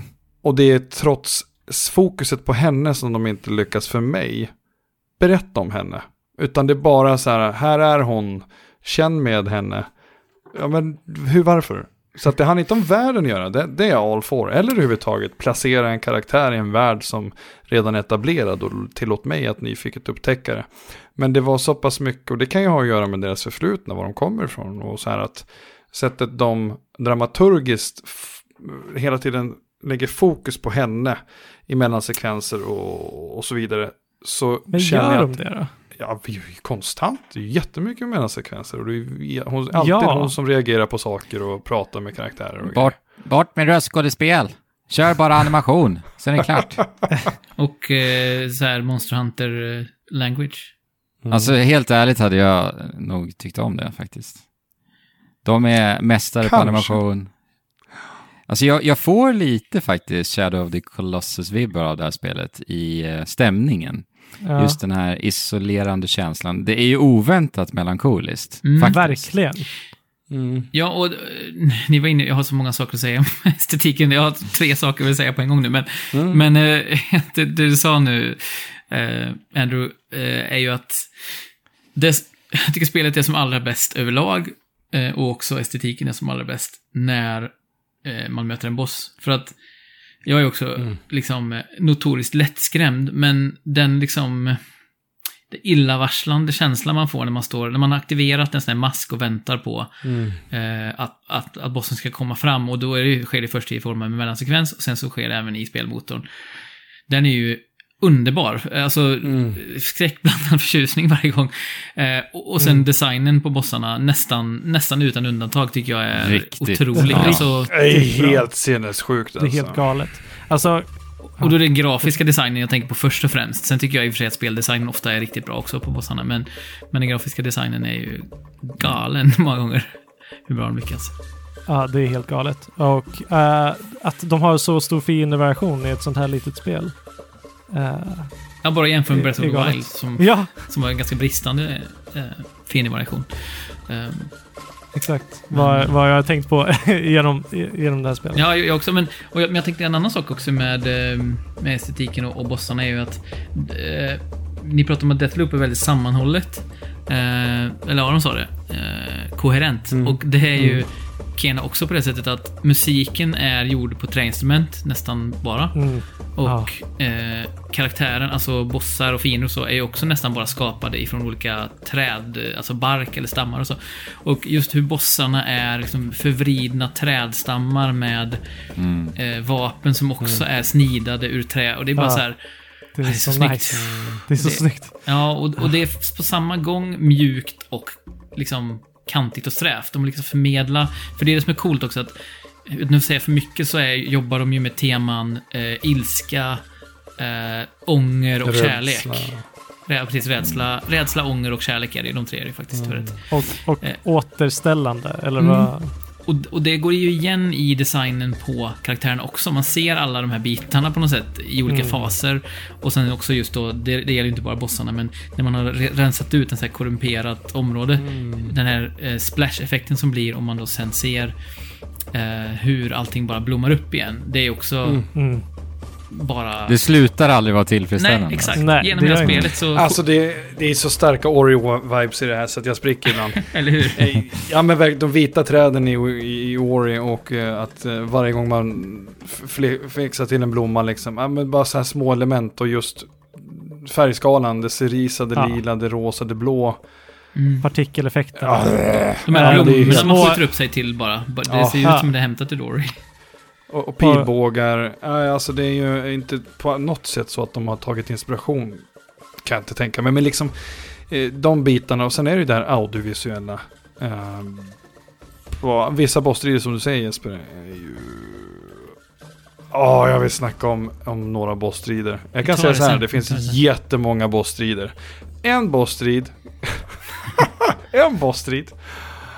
Alltså den vill jag ju spela om i all oändlighet. Bara Nej, för att när musiken pumpar igång och eh, när Ja. Kan, allting sitter och tror liksom alla vet. parries och Ja. repostels och bara... vi, Ah! vi kan ju prata mer i detalj om det senare när vi går in Mm. på lite spoiler-segment, men du kan ju bara säga eh, namnet eller så på den, för det spoilar ju inte så mycket, eller sådär, vilken, vilken det är du... Jag tror att det spoilar om jag säger det här namnet för alla som precis Ah, okej. börjar. Ja, just det. Men Ja, vi kan ju jag ta tror det jag sen. I vilket fall, jag tror att... Mm. Ja, En tidig alltså, boss. bara- initialer kan du säga. ja. Men... eh, TRK, ja. det,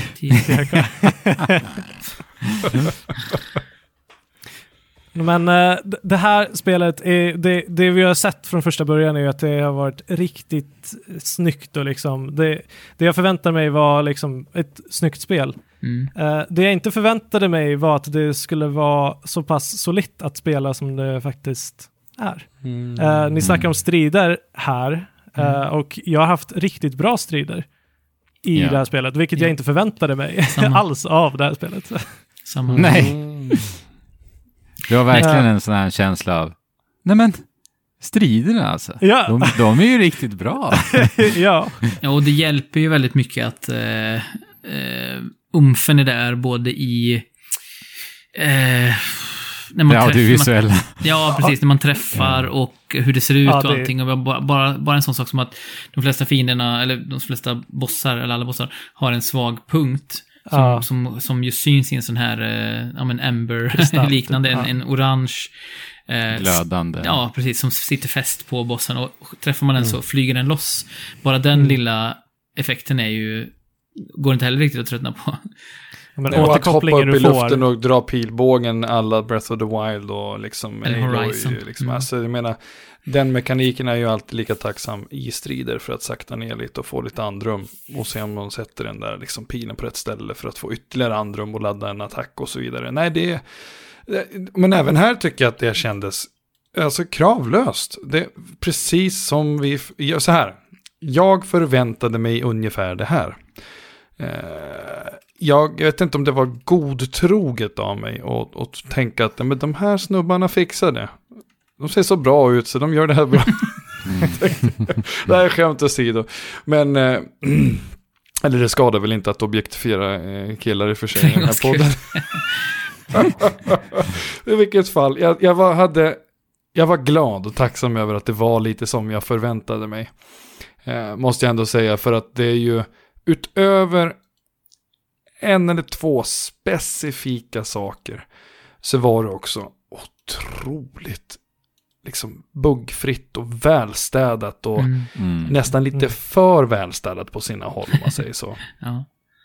Eh, skickligt alltså, hantverk rakt igenom. ja, jag håller med. Men, men det som ni säger nu, det är också så här komplexiteten eh, i striderna och även pussel och så vidare. Även om jag har kollat upp en del grejer för att jag avskyr känslan med att, att sitta fast i spel. Jag vill ha en framåtrörelse. Men eh, jag tycker det är perfekt för att man börjar ju ganska basic och sen lägger de till lager efter lager efter lager och till slut så finns Ja. det är, ganska, alltså det är ganska avancerat vad man kan göra. Man kan välja sin spelstil väldigt mycket och skillträdet är inte speciellt stort. Men eh, de, det man investerar Nej, i, det påverkar hur man spelar. Alltså det blir, får ändå en effekt i hur man Mm. spelar. ja, verkligen. Och det, det som du sa Aron, att det är ganska lagom. Man puttrar på genom spelet och så kan man uppdatera det mesta. Eller Mm. man kan låsa upp det mesta. Så man behöver liksom aldrig känna sådär någon stress över att jag måste grinda eller jag liksom kommer att få välja någonting och så blir jag utan en massa annat. Utan det känns... Jag håller med Jag om att det har varit en lite breezy spelupplevelse. Förutom bossarna som ju är på sina Mm. ställen riktigt svåra. Det är det som är lite intressant att det har den aspekten också. Vad sa Fast du? jag... Vad skulle Andrew säga? Något? Nej.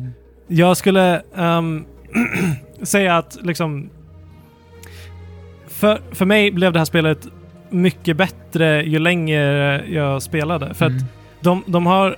Det verkar som att de har jobbat en hel del med liksom återhållsamhet vad gäller att, att avslöja saker för spelaren. För att i, Mm. i början så, jag förväntar mig typ, ja ah, men jag kommer ha staven. Ja ah, okej, du fick en pilbåge. Något sånt kanske jag hade förväntat mig. Men sen kommer det ännu mer saker som lägger på fler lager. Och hur du använder rots eh, i striderna, det, det är ganska basic. Det känns lite så här God of War-aktigt.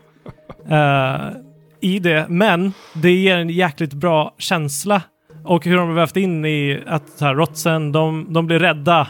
så du måste bygga upp deras, eh, deras mod, Mod. för att kunna utnyttja dem och så vidare. Ja, det är snyggt Så att- invävt. Så att liksom gameplayet eh, i sig utvecklas som ett litet äventyr.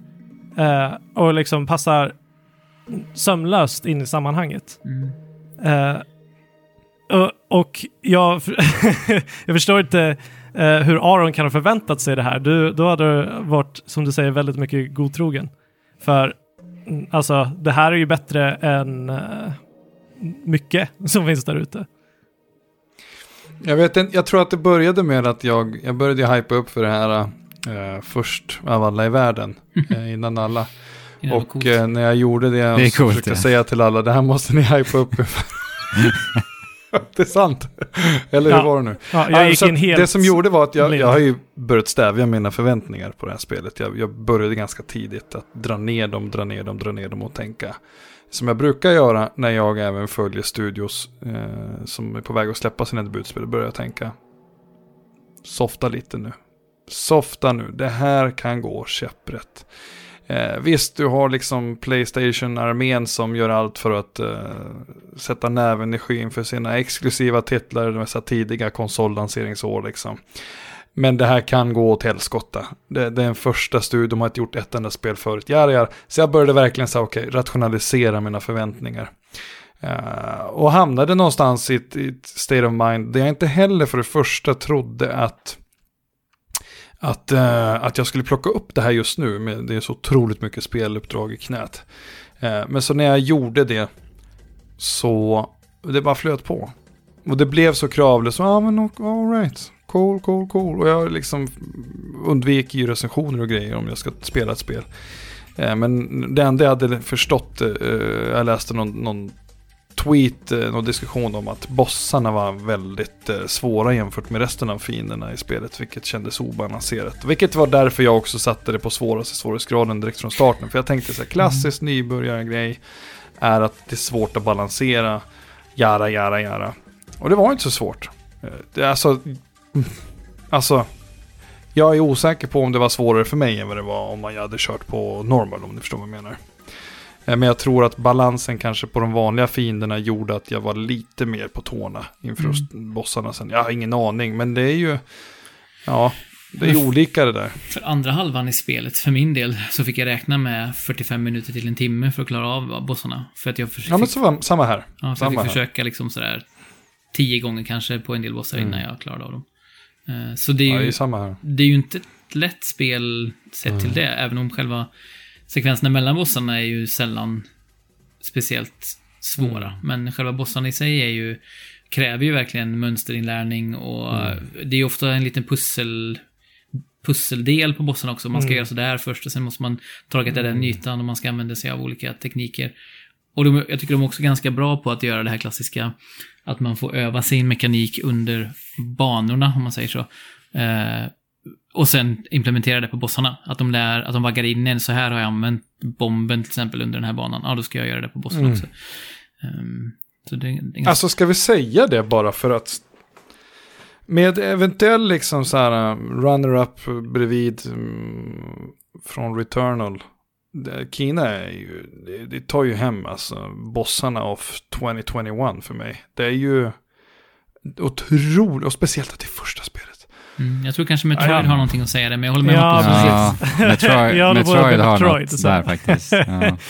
Men eh, absolut. Ja, Också deras Ja. första spel eller? Så att det är samma liksom, men, nivå, eh. Men eh, vi har ju Monster Hunter det här året också. Så. Ja. Just det. Stark Ja. bossår helt enkelt. Ja. Nej, Men men, hörni, vi har ju inte snackat om ROTS. Vi, snäm- vi längde det i förbifarten. Precis. Hallå, det här Ja, är, det är spelet pick- heter ju The ROTS. Hallå. Ja. Kino-gänget. Vad, vad jag har tänkt mm, hur de kom fram med konceptet genom det här spelet är att de spelade Breath of the Wild. De tänkte, tänk om, tänk om Koroks började följa efter när man, när man hittar dem. mm, Och sen att de funkar som Pikmins. Men att de är minions, typ. Ja. Om du träffar rätt på alla, hela den tankebanan, då är jag sjukt Det vore häftigt om, tack, kan vi testa den idén mot sny- Snyggbröderna och se om det stämmer? Oj, oj, Det måste, det måste vi göra. För att, eller det, det, var så, det, det var så jag kände. För Mm. att man, Korok, eller nu är inte Korok som heter Rots. Eh, du, du plockar upp dem genom små minispel eller gömda eh, ställen. Du Eh, skjuter så med pilbågen på små blommor som flyger i luften. Känns, Ja, känner du igen det någonstans ifrån? Exakt. Eh, och dessa rots, de, de, vi vet ju inte väldigt all, mycket alls om dem från första början, förutom att de verkar vara någon typ av skogsandar. Eh, och de hjälper dig att bära saker hit och dit och eh, när de är tillräckligt modiga i striderna, när de känner sig manade, så hjälper de dig med eh, superattacker för att, Mm. för att eh, döda dina fiender. Som du själv kontrollerar ska sägas. Är, de är inte en egen Ja. entitet riktigt. Utan, Exakt. Eh, och de formar ju också, till exempel om man har den här eh, hammaren som jag använder konstant, så formar de ju liksom eh, vapnet i sig och slungar, slungar Ja, iväg precis. sig själva och sen kommer de tillbaka som en, som en bumerang. Eller de kan, de kan forma en, en om man hittar en, vissa eh, föremål i spelet så kan de forma sig runt det föremålet och röra sig som en drake eller orm och så. De, de är väldigt så formbara. Ja, precis. Men framför allt så Hattarna. kan de, de kan Ha simma hattar. ryggsim. Kan de det? Ja, det kan de. Alltså det är, är ju få saker som är så heta som att eh, simma över en liten sjö i Kina och sen bara vända på kameran Ja. och se de här glada jäkla bollarna. Simma ryggsim med ett smile som... De, de verkar inte fatta vad Kina går igenom. All denna kamp mot det onda. De, bara, de är så glada över att se att det är ett moln där uppe. Ja. Jag tycker de är så otroligt charmiga de här små pluttarna. De är väldigt Ah. charmiga. Tråkigt Eh. bara att det är en och samma hela tiden som får dansa på Kinas huvud och ge henne en puss. ja, det är den första. Och Men- eh, nysa. Ja, Ja. Bara en enda Men- rackare. De men andra alla- också få dansa. Men alla blir ju jätteglada, blir ju lika glada för. Alltså om du pussar på den så, Mm. blir, så får ju alla hjärtan runt omkring sig. Det kanske är ett gäng små arons. Ja, Alla är sjukt All- blödiga. Alla är skit... En får en kindpuss och alla blir helt överlyckliga. Eller funkar de som gets? Att de liksom känner av... Hive mind. Hive mind. Jag de tror- känner av. Men Kanske lite jag, mer åt det hållet. Jag fick ju den här... Di- Digital Deluxe Edition. Och Mm. då, får, då får man ju med en guldrott. Eh, Okej. och den, den, den, den blir bara störig för den står ut så himla mycket. Och den kan inte heller ha någon hatt, som du var inne på Nähä. eh, Fabian. Alla andra eh, eh, rots kan ju ha hattar. Upp till hundra stycken kan man ha, eller mer kanske till och med. Mm, mm. Och, och man kan köpa små in- individuella hattar som man hittar. Det kan vara liksom en grodhatt, det kan vara en eh, keps, Mm. det kan vara masker, det kan vara massa olika saker. Har ni en favorithatt? Det finns många bra hattar alltså. Ja, jag, Eh, Grodan. jag gillar Grodan. grodan. Ja. Grodan alltså. Ja. Alltså. Ja, jag vart så här, okej, när cowboyhatten kom in då kände jag, vänta, vänta, vänta, vänta, vänta nu, det här stämmer inte. Nej, jag köpte jäkla aldrig den. cowboyhatt här. men utöver det så, ja, jo. Ja, hattarna var ju en kul grej, men jag kände många gånger, apropå så här grind, man kan hitta kistor runt om i världen såklart, Mm. liksom, och det var några kistor där i byn. Alltså byn, fantastisk musik. Ja, musiken. Eh, men eh, och det var någon grind, någon kista där jag skulle, man kan hitta man kan hitta kistor, man kan hitta också eh, mail, alltså olika typ postgrejer Mm. som man ska lösa in och låsa upp små delar i byn så man kan gå in och grinda fram. Och då stå och slita där för att typ mörda så många fiender som möjligt under en och en halv minut. Lyckades ni göra den? Nej. Ja, I byn. eller... Ja, det tror Jag Nu spelar jag i och för sig på svåraste så att det kanske blir lättare om jag spelar på, ja skitsamma, det spelar ingen roll. Det, det, men hur mycket slit och släp man än kör på de här kistorna som är så här corrupted chest Mm. liksom. Du öppnar dem och så kommer det en massa fiender du ska besegra. Alltså det, det jag vet ja, ibland känns det som att här har jag svettats och grindats i 40 minuter. Och så fick jag en hatt. alltså, vad är det som händer? Ja, jag, nej, tyckte, men, jag tänkte på det du sa tidigare just Fabian, att, det är så här, att du får hela tiden nya förmågor. Några gånger fick jag en artefakt i spelet som jag kände, är det nu? Ja, en, en hammare, eller ja, en dolk liksom. Jag trodde jag skulle få fler vapen, Ja. det fick jag aldrig. Eh, så jag saknade den några gånger tills jag återigen, som, som sig bör, liten studio, första spelet, lugn nu. ja, men det, det- och det märks ju där du sa Ja. de med hattarna. För att det enda man använder sin valuta till, som, och den får man ju konstant överallt Ja. hela tiden, och inte minst med små pusselspel, eh, med aluminium, liksom man ska hitta eh, små gåtor här och var. Så eh, det enda man använder det till är att köpa hattar. Det, bokstavligt talat, det enda man gör är att köpa hattar till Ja. sina rott. Och det är en rolig Ja. grej, men det skulle ju vara en liten del av en större ekonomi. Men det är väl en typisk sån här Ja. sak som du sa, att man, förs- man, man ser att okej, här har de strömlinjeformat för att de klarar inte, de har inte kapacitet till något mer. Men det känns lite fattigt. Just Ja, men alltså delen. konsekvensen av det blir ju att det underminerar utforskandet till viss del, kan jag tycka. Eh, Men däremot så älskar jag ju personligen att bara befinna mig i den här världen och bara dammsuga allt det Exakt. har. Så att det var, blev liksom inte ett större problem i det stora hela ändå. Alltså jag spelade ju det här spelet på det sättet att jag ville ju inte riktigt att det skulle ta slut, så att Ja, Nej, liksom. jag med. Ja, så att Försökte Ja, i alla fall. jag drog ut så mycket speltid jag bara kunde genom att utforska allt. Så att, Mm. Men Ja. jag, jag håller verkligen med att ett, ett, något form av bättre belöningssystem i... Men det känns ju också som att så här, okej, studion kanske skalar upp en aning. Eh, Kena 2 får ett större färdighetsträd, får fler saker att spendera. ehm, valutan Ja, på- herregud. och får Ja. liksom en, en djupare story kring huvudkaraktären. Alltså det känns ju verkligen som att så här, när man tittar tillbaka på, på det här spelet och man har fått en uppföljare så kommer man se att, ja just det, det la grunden för alla de här sakerna och här är liksom the final form. Men sen behöver det inte bli så, för att det här spelet kan verkligen stå på egen hand och behöver ingen uppföljare heller. Men jag kan tänka mig att det blir en sån situation där man ser, som man ofta gör med spel som får en lyckad uppföljare, att så här, ja just det, det, det är simpelt på de här sätten eh, jämfört med det nya spelet.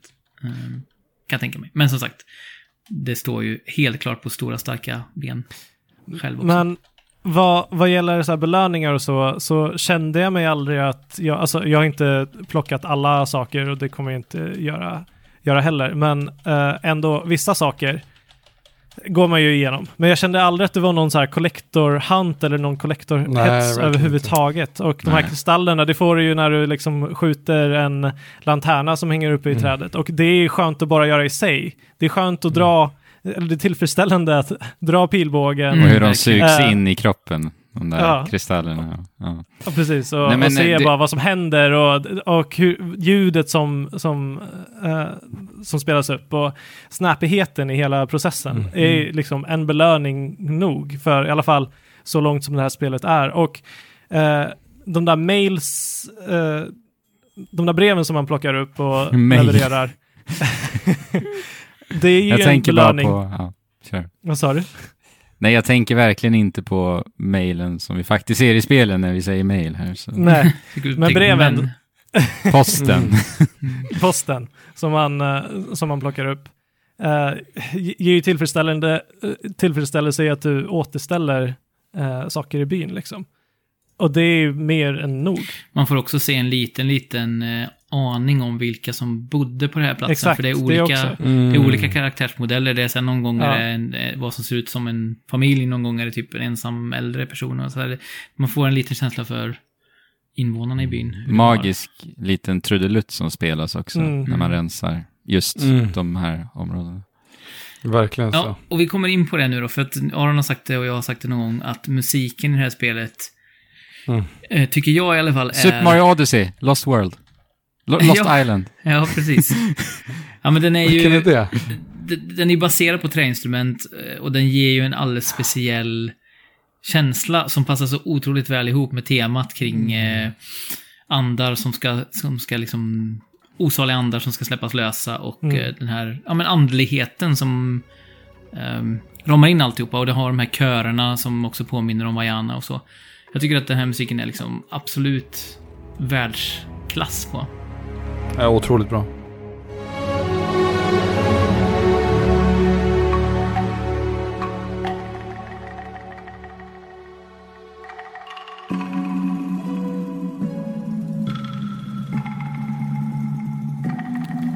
Eh, jag tycker, eh, alltså instrumenten som de har använt och så, det, det ger verkligen en unik känsla och hela, hela eh, liksom arrangemangen som, som, som spelas ger också den här unika känslan. Sen tycker jag inte eh, liksom att utförandet alltid, alltid är liksom på toppklass, men när det är som bäst så är det definitivt riktigt bra. Och det är väl samma sak där i bossstriden är väl kanske musiken... En av de stora höjdpunkterna i alla fall för musiken är ju i bossstriderna där den blir sådär dramatisk. Och till exempel, det finns ju en boss som... eh, vid en sekvens så stannar den upp innan den liksom initierar sin nästa fas. eh, Och slår på en grej. Eh, vi kan prata mer om det sen, men... Ja. Åh! Där, sta- det- där det dör nice. musiken helt och hållet och sen Ja. boom, kommer den igång igen. Och det var ju verkligen Mm. effektivt. Jag vet inte, jag spelade om den bossen ganska många gånger, men det var effektivt varenda gång. Det Och var, hur, och hur det samspelade Galet bra. med mörkret och, och regnet runt omkring och sådär. Där störde jag mig dock som 17 på att den inte tog skada. När den inte var skyddad av det där som vi ska prata om sen. Ja.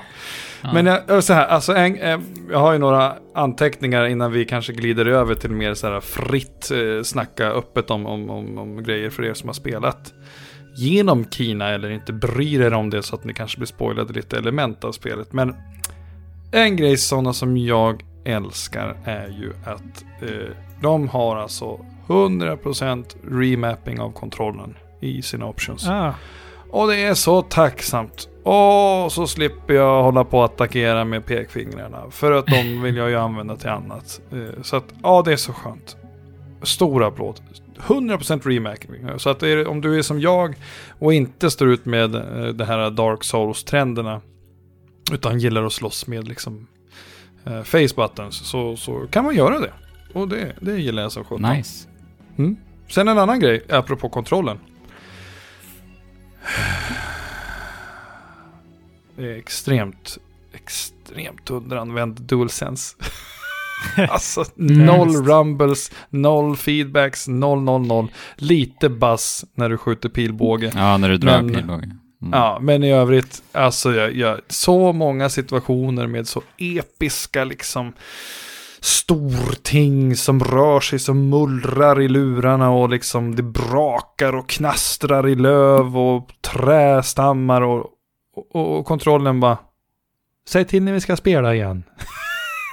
jag ligger här och sover tills vidare. Men, men vänta, lite muller, lite rumble.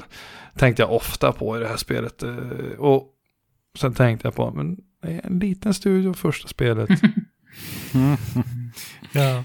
Men, Men det är Ja. verkligen inte ett spel som, som eh, alltså tittar du på en annan tredjepart, eh, så, så det finns ju andra tredjepartsspel som man lyckas använda liksom Rumbles bättre och sådär. Eh, så att det, det kanske är någonting som kommer med uppdatering längre fram, det är inte otippat. Det är absolut inte omöjligt. Mm. Det, det känns, när du trycker på axelknappen för att skjuta din pil, Mm. så känns det bra om du trycker på den löst. Men om du trycker på den för hårt, Mm. så känns det typ som att man har sönder kontrollen. mm, det är klassiska man ska trycka igenom den där eh, grejen. Och det Ja. gör jag alltid. Jag, jag vande mig vid att bara trycka in den halvt, för att det kändes bättre och kändes snällare för kontrollen också. Ja, jag, jag, jag bara körde all in för att när jag är i luften där och eh, håller på att dör, vilket jag konstant gör i det här spelet, eh, eh, så eh, det var bara liksom dra in. Så att jag tänkte inte Ja. ens på att det var, fanns ett motstånd. Men du, du sa Dark Souls där Aron, och det finns ju... Man kan se det som att så, ja, det är en, det är liksom eh, för enkel jämförelse att göra i och med att det bara är så här... Eh, ja, man gör en light attack och en heavy attack på sina eh, Ja. axelknappar. Men Just det. dels är ju striden uppbyggd lite på samma sätt som ett Dark Souls light, det vill säga att man måste mönster...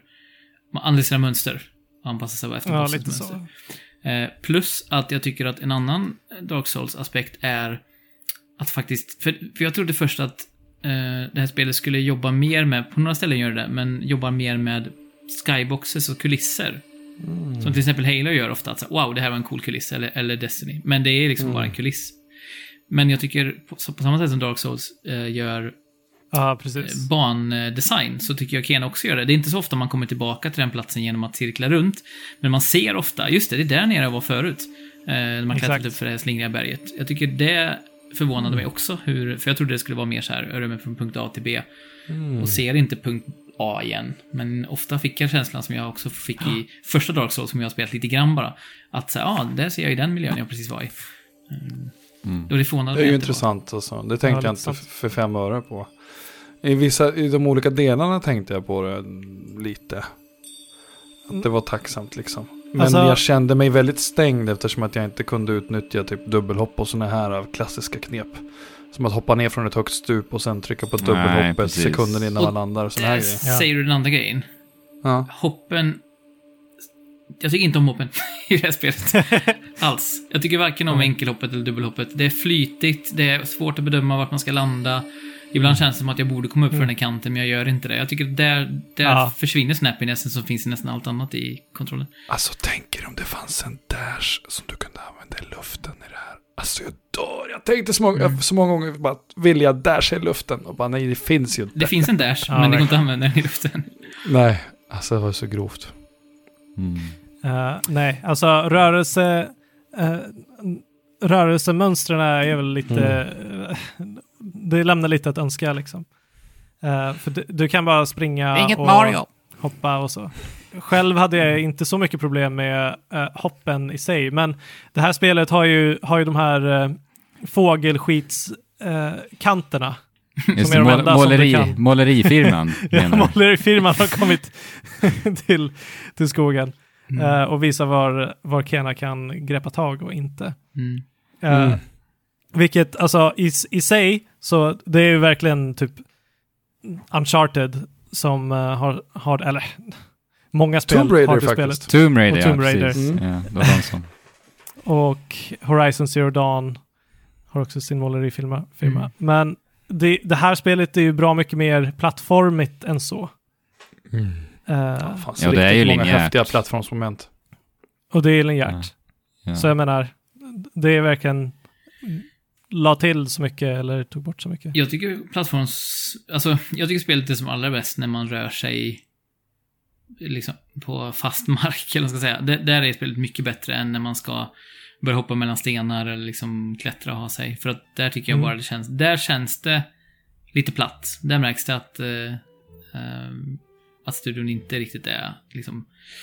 No, ja, att det är en indie-studio helt enkelt. För att där tycker jag att det känns som att det är nästan lite pliktskyldigt många gånger, plattformandet. Ehm, och som sagt, det här med att landa, det är lite så här, det är också oklart ibland. Kan jag hoppa på den här ytan eller inte? Ja, Ehm, Yes, det är ibland det. är det så. Och där märker man väl av lite av så här bristerna i nivådesign överlag. Typ. Jag tycker att det finns en del osynliga väggar som känns lite halvt ologiska många Mm. gånger. Eh, och det är ju ganska mycket korridorspringande överlag Mm. i, i spelet som gör att liksom världen känns lite stel. Alltså att man förstår anledningen att ha den här korridoren är för att vi ska transportera oss till en annan plats. Och ibland kunde jag uppleva Ja, att det liksom eh, att det kändes lite artificiellt liksom i Ja. just det korridorsspringandet. Men jag Absolut. tyckte att det Men- var mest påtagligt i början, eh, för man Ja, är van vid faktiskt. öppna spel, fria spel. Och För sen, sen, sen öppnar det upp sig lite ja, eh, mot Mm. slutet. plus att, Mm. att man hade, tycker jag, accepterat så här är spelet och då vill jag snarare framåt och se vad som händer härnäst än att...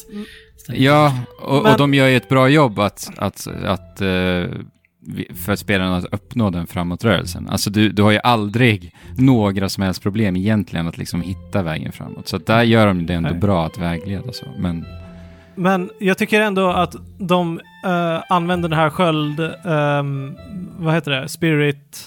Vad kallar man den? pulsen Ehm, typ. Den här... Da, inte dashen, vad heter det? Pulsen, ja. Mm. Spirit-pulsen. Liksom, det är många korridorer och grottor som är mörka, Mm. eh, som du går in i, men sen så använder du pulsen. Och då liksom blir det som ett visuellt spektakel medan du Mm. går igenom den här grottan. Mm. Eh, vilket jag tycker de har gjort riktigt snyggt. Sen så, ja, jag håller med om vad ni säger om eh, eh, transportsträckorna och så. Eh, det är ett linjärt spel och det är det det är. Jag tycker det är väldigt skönt, men det, det är också... Det finns ju sätt att maskera det bättre och sämre på eh, också. Och som sagt, ibland... Det, det är nästan sämst i de semi-öppna miljöerna. Alltså när man till exempel är i skogen tidigt så känner jag så här, okej nu ser jag att det är så här Ja, två lanes här, kan gå, sen är det stopp där borta. Men, men när det är antingen helt korridorat eller när det är ja, lite öppnare så tycker jag de funkar bra. Alltså man accepterar, eller jag i alla fall accepterar begränsningarna som finns inbyggt. Det kändes nästan lite retro i de här momenten. ja precis. Och, och jag menar, de, de pacear ju eh, transportsträckor med lite pussel, lite plattformande och lite strider. Eh, som gjorde att jag liksom aldrig tänkte på att det blev eh, repetitivt eller tradigt eller segt på något sätt. Eh, eller sällan gjorde det. Mm. I alla fall. Och jag menar, pusselmekanikerna är eh, för det mesta ganska simplistiska och så. Men allt eftersom att du låser upp mer förmågor så, så interagerar du med världen på lite olika sätt. Nu är det inte Mm. så många förmågor det handlar om för det här spelet är inte så, så stort. Men bomben är ju cool alltså. Ändå. Bomben är riktigt cool. Alltså, Ja. det var första gången jag kände... Eller, det är inte första gången jag kände, men då kände jag att så här, what? Det här hade jag inte förväntat mig. Och just att Mm. man kan implementera den i strid också. Den får I ett, strid. ett, eh, vad heter det, dubbelt syfte egentligen. Ja, men allting du, allting du får har, har dubbla syften. Allting du använder Ja, det kanske är så. Jag har flera riktigt- syften. Ja. Alltså det jag kände var den största utmaningen. Eh, alltså bara en, sån, bara en sån här grej. Jag, jag, jag minns inte för fem öre. Eh, vem, när och hur någon överhuvudtaget i spelet kommunicerade till mig att jag kunde eh, göra Paris repostals. Ingen aning. Jag minns när det kommunicerades Mm. att jag kunde skydda mig med bubblan liksom och hålla in den. Att det var ett skydd. Men någon gång Men- var det va? Har var det. du inte tittat på, har du inte tittat på ditt skillträd, Aron? Jo då, jo då. Men utöver det. Det där är ju en sån här grundmekanik. Som jag tänker att den där borde ju liksom... This is how you do en sån prompt. Sen var det inte mer med det. Mm. Jag, jag insåg att det fanns där, överlycklig. Och just den. Tack vare liksom. Det kände jag var min konstanta. Jag har två fiender i det här spelet. Den ena var Perrin. Liksom att hitta tajmingen. Och det var ju svårt och utmanande för att bossarna hade så extremt subtila tells Ja. eh, i, vissa av sina attacker. Som Mm. bara så här, vilken är det här? Precis så här smart sätt som gör att jag måste vara på helspänn. Jag kan inte bara eh, alla tänka Assassin's Creed eller någonting. Det vet jag inte hur de senaste spelen senaste åren är. Men det är så här uppenbart att det blinkar till eller kommer ett ljud liksom och då trycker man in och så kör man en schysst parering och så känns det bra. Utan här är det verkligen så här, vad Fönster på gör två du nu? sekunder. Aj! Liksom. Och på det sättet så är det ju återigen eh, From Software-igt, men kanske mer Ja. ehm, samurai-eldspelet som jag aldrig kommer lyckas Men- komma ihåg. Alltså fasen, jag hade lite problem ändå att hitta rytmen i striderna i Kena alltså. Alltså jag du? med, och det är det här som är Ja. grejen. Det är det här som är grejen. Berätta vad, vad, vad utmaningen var, eller om du överkom Ja. den. Nej men så här, jag, jag försökte liksom bena ut vad, jag försökte hitta kärnan av problemet som jag upplever. Och jag tror att jag kommer fram till att det har lite att göra med att så här, spelet ger sken om att striderna är ganska liksom reaktiva och snabba. Eh, för vi har ju dels relativt snabba animationer, men det är ändå samtidigt här nu, det är det här som är lite det jag menar, så kommunicerar det också lite metodiskt spelande. Alltså en del animationer är ganska tunga, det tar ganska lång tid att, att utföra eh, vissa typer av attacker och så vidare. Och där är det som att spelet nästan sänder två meddelanden hur jag ska förhålla mig i striderna. Och jag tyckte att det, jag tror att det Mm. var det som gjorde det svårt för mig, att här, förstå hur ska jag spela det här spelet. Mm. Vad säger, vad, det är nog min slutsats i vad jag kom fram till i alla fall. All right. Det är lite så här, min intuition stämde liksom inte överens med kommunikationen från spelet. Om ni förstår. Mm. Mm. Ja, för mig var det ju Ja. att lära mig eh, timingen. Och Och jag framförallt... blev överraskad, förlåt, jag vill bara tillägga det. Många gånger så här, aha, okej, så, här, så blev det många gånger. Ja, ja, och jag tror att det var så här, för min egen del, det fanns några bossar där jag upptäckte att, att så vänta nu, vänta lite nu, kan jag stå här? Och då var det så, okej, delvis bugg såklart, men, men delvis också så här, okej, här kan jag exploita lite. Som att liksom röra sig med, med pelare mellan mig och bossen. För att bossen insisterar på att gå långsamt, men attackera supersnabbt. Liksom. Så att har jag bara pelare så måste den gå skitlångsamt. Och då är jag stenkoll och så kan jag slänga bomber eller göra grejer och verkligen dra ut på det.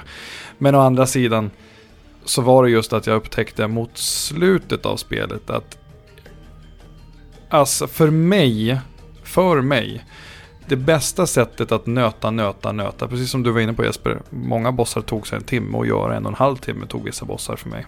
För att det var bara upprepa, upprepa. Det gick bättre när jag bara var aggressiv och maxade alla attacker och inte försökte vänta in någonting, inte försökte sätta några pilar utan bara max, max, max, max, max, max, max för att då, då upplevde jag att jag skapade ett mönster där bossen konstant valde typ en eller två En attacker. aggressiv attack Direkt tillbaka efter- för att hämnas typ. Exakt, och den kunde jag lära mig liksom. Och så bara, så bara blev det Mm. totalt maximering på attacker och sen parry ripostel och sen liksom attack, attack, attack, ripostel, attack, Mm. attack, attack, om och om igen. Och där... Alltså, Ja, vissa- ja, vissa sekvenser, ja fy fan, det är så snyggt alltså. Och bara köra, och den här inzoomningen snett nedanifrån när hon liksom sätter en ripostel och... Ah, hon flyger fram. Mm. Ja, jag kan inte uttrycka mig ord så jag använder Ja. ljud istället. Det är Ja. bättre.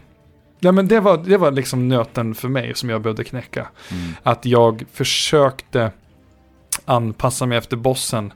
Eh, men lyckades bättre när jag började bara go crazy. Mm. Kör all in och Jo. sen se den där Ja. Intressant. Alltså- en liknande variant. Eh, Ja, eh, spela väldigt aggressivt, använd rot abilities eh, så fort du bara kan. Det, det, det ger ett momentum till fighterna som, Mm. eh, som jag gillar. Sen, så, sen i vissa fighter mycket bättre än andra. vissa, vissa fighter, eller åtminstone en fight tyck, tyckte jag var väldigt, väldigt tråkig liksom. Men, n- men jag tycker att striderna blev tillfredsställande i den här aggressiviteten som, som, som du eh, beskriver. Alltså, vad intressant att höra, för jag, jag hittade verkligen inte det alltså, som Mm. ni beskriver. Utan jag var väldigt passiv. alltså, det, det, alltså, du har en stor, en, en stor fiende som kommer mot dig mot svärd och sen så är det tre eh, fiender som kommer på en rad och då kör du en råttpil som penetrerar allihopa och sen så, en, sen så springer du fram och gör en eh, ground pound på, på fienden, eh, den stora fienden Uff. och avbryter den, dens attack och sen så laddar du upp med en rothammer. Eh, och staggar den ännu mer och sen så springer du tillbaka och skjuter kristallen på den stora fienden. Och sen Eh, gör du en rainbow dash och flyttar allt till nästa nivå. Ja, Nej, men exakt. du vet den här dash-grejen som, som stannar Exakt. dem. Ja, och jag, de, det, i sina bästa stunder var det riktigt bra alltså. Mm. Ja, verkligen. Med. Men Eh, kanske... Den här kom... Och Ja, förlåt, dessutom, dessutom när du, de striderna som var lite utmanande och du har, Mm. du är på ditt sista liv och du vet att Mm. eh, en till attack kommer att döda dig, men sen så Ja, det träffar du den ju. där, ja, och sen Ja, så träffar du den så- där kristallen eh, och lyckas staggra den lite och sen så kör du en Rothammer som sista slag liksom och så står det där med Alltså, mm, ett HP kvar liksom. det är nästan... Men Det, Det händer många det, gånger. Det är nästan en majoritet av bossstriden, är nästan så. Mm, Alltså att jag kände jag att pulsen bara slog i halsen typ och så Mm. blinkade min livmätare röd och så fick jag ner den precis. Det var nästan som att det var skriptat att det skulle vara den rytmen i det. Ja, det är jag Jag vet- helt enig. Det är underbart. Nu vill jag kunna prata om bossarna, hörni. Ska Ja. vi lägga någon brasklapp? Eh, vi, vi kanske kan säga liksom uh, vardera lite övergripande slutord innan vi hoppar in på Ja, Bra, spoiler-territorium. bra idé. Jesper, ja, Andrew har varit på gång. Andrew, Eh, ja. Ja. Men, eh, nej men det här var ju eh, supertrevligt alltså. jag sitter bara och tittar på min anteckning här. Jag skrek ju ut här, Lost Kingdom från Super Mario Odyssey. Jag Ja. kan inte sluta tänka på Lost Kingdom-musiken från Super Mario Odyssey. Nej, Forgotten Isle. Menar du? Heter det inte Lost Kingdom? du skickar, länken du skickade så här står det Forgotten Isle i alla fall. Ja. Ja men eh, jag tror att det heter Lost Kingdom liksom Ja. i strunt samma. Det, I alla fall, den musiken eh, som du refererar till i, i eh, Super Mario Odyssey, den är ju på pricken. Det låter nästan som att det är musiken ifrån byn som Visst är det så? finns i Mario. Den är Ja. nästan, pl- nästan, nästan karbonkopia emellanåt. Ja, nu lyssnar jag ju på det här. Jag vet inte om jag Påminner. håller med. Okej, ska vi göra en riktig buse? Jag gör en riktig buse. Här kommer en jämförelse, så får lyssnarna avgöra. Nice. Det här är alltså Forgotten Isle 2 från Super Mario Odyssey.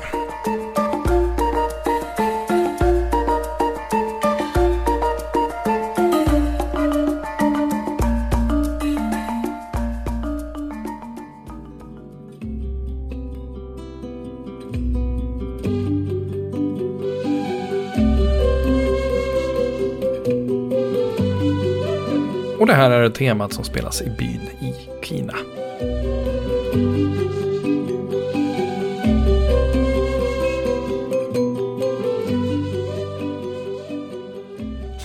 Ja, och vilket fall. Eh, Men, eh, men eh, kul. Alltid kul med sådana referenser. Men avrunda våra intryck innan vi går in på ett lite mer spoilerfyllt territorium för att avrunda hela avsnittet. Eh, Men ni kan stanna kvar några minuter till, ni som känner er spoilerkänsliga för Kena här. Men ja, eh, avslutande intryck för mig så är det ju, jag, jag började, det här eh, resulterade i, jag såg sluttexterna här, att jag började skriva på eh, en lista vilka spel jag spelat i år, vilket visade sig vara fler än vad jag hade trott. Eh, Eftersom att jag vill placera in det här lite mentalt på någon slags årets spellista. Eh, så det säger ju ganska mycket om min upplevelse med det. Eh, Du vill. Ja, nej, nej, alltså jag tänker Vem att jag... håller dig bak? jag, jag, nej, ingen, men jag tänker att så här, jag vet inte riktigt var den landar än. Men helt klart kommer den vara med och skramla där uppe i huvudet när, när december, januari kanske för, för vår del. I och för sig tror jag båda poddarna föredrar januari framför december för Game of the Year. Men, men ja, så att jag, jag, det är där uppe. Och mycket tack vare att ehm, det är precis lagom mycket mörker i spelet för min del. Samtidigt som det har det här liksom underbara äventyrskänslan känslan och strider som jag tycker är precis lagom djupa för att man ska liksom njuta av dem men inte bli eh, överväldigad. Eh, Så väl avvägda för längden på spelet också. Framförallt. mm, verkligen. Eh, och jag tycker den här längden på spel börjar Ah, nästan, börjar nästan snälla. bli... Ja, precis. Det börjar nästan bli liksom den övre gränsen för mig nu. Snarare än så här. För det, det är ju inte så långt spel. Det, är ju, det tog kanske 10-12 timmar, lite beroende på hur mycket man gjorde. Men jag känner att över perfekt. 10... Ja, ver- verkligen. Jag, jag känner att över 10 timmar så börjar det nästan bli som att man längtar efter att spelet ska ta slut. Även om inte spelet, Mm. även om spelet är är härligt liksom. Um, Mm. Mm. Med vissa undantag, Hades. Men, mm. Mm. Monster Hunter Rise, typ.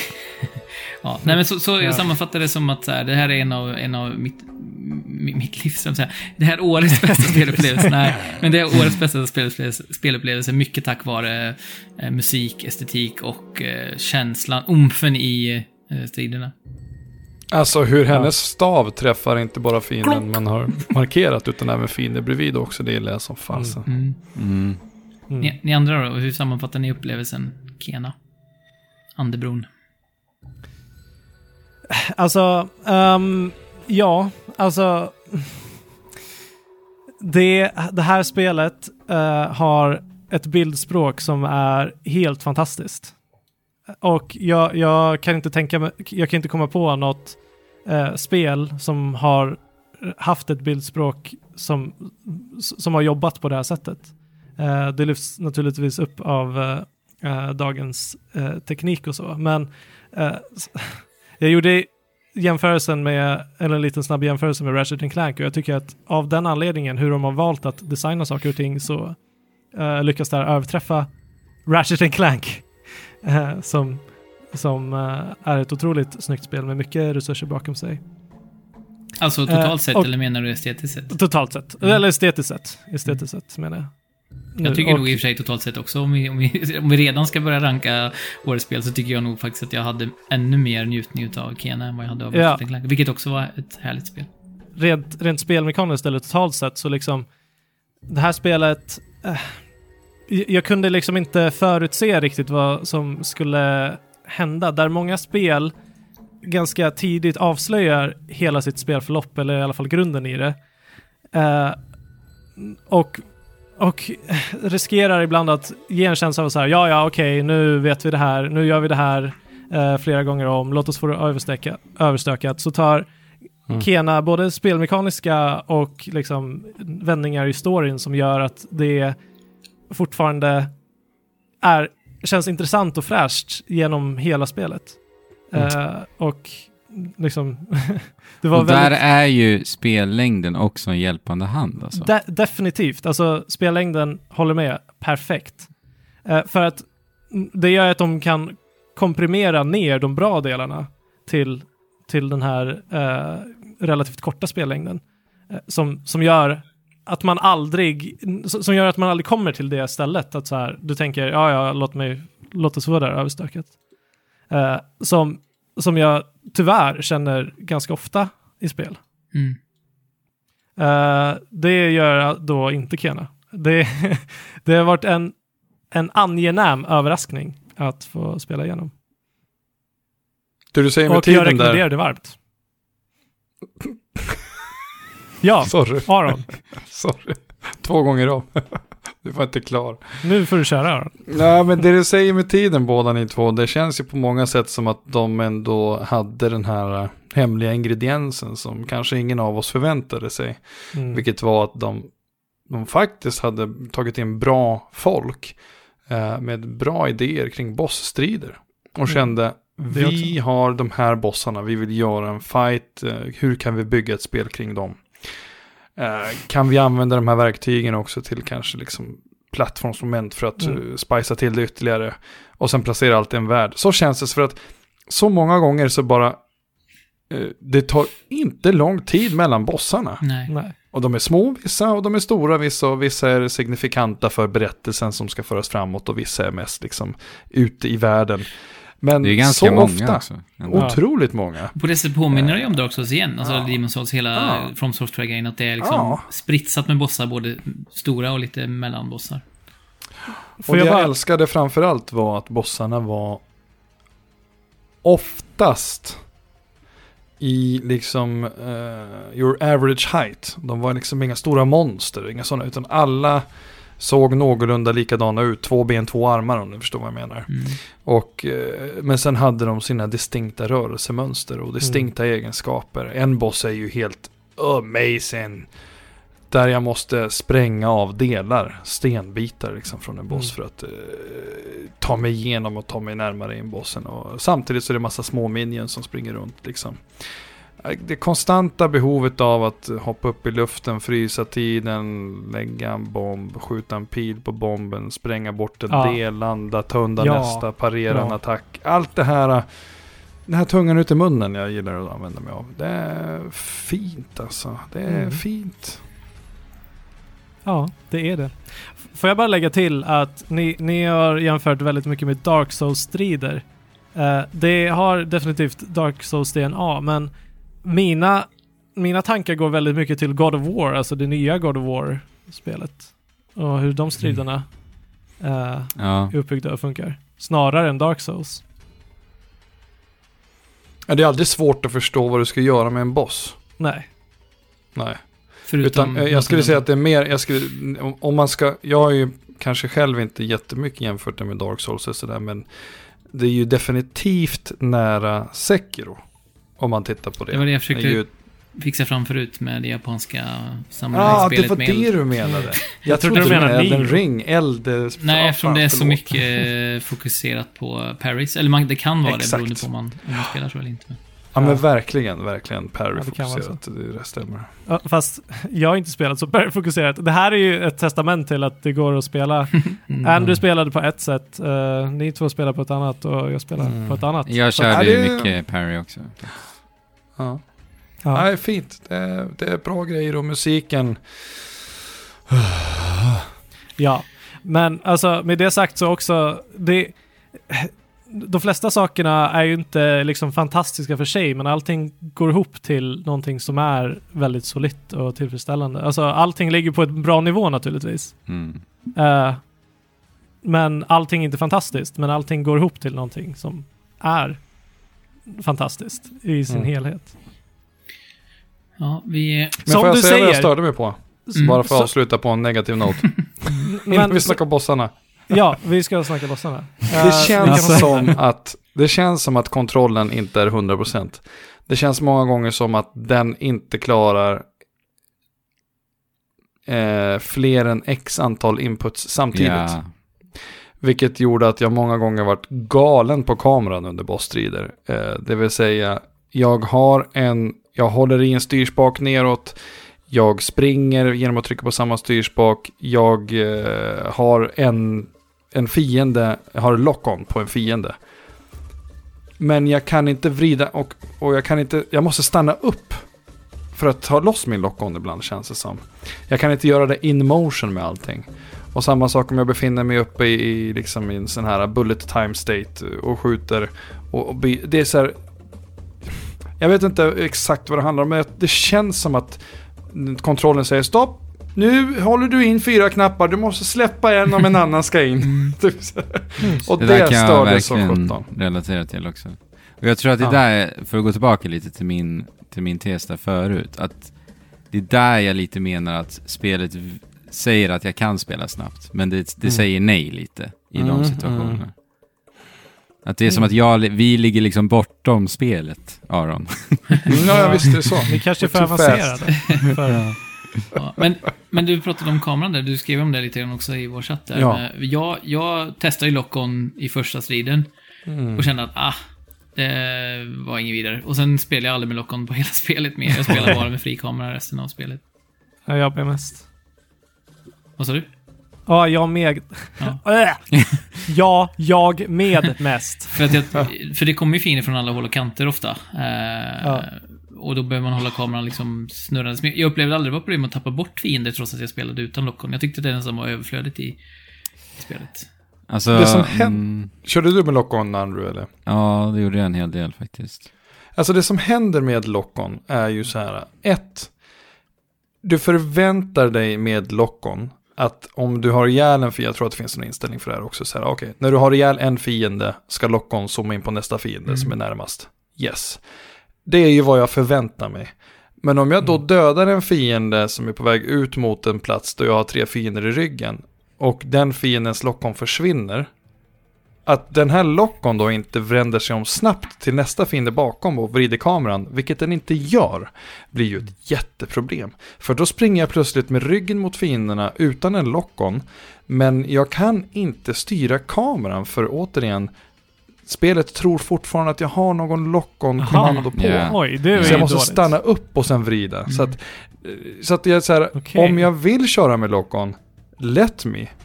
Men, ja. det, åt, men en liten studie första spel. Mm.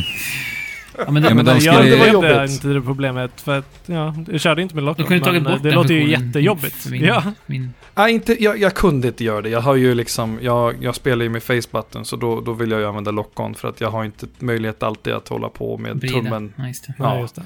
och sådär. Eh, plus att ja, ja, jag, jag, jag, jag vågar säga att, att, eh, att spela på svåraste svårighetsgraden kanske satte mig på pottan lite mer än vad jag kanske borde ha gjort.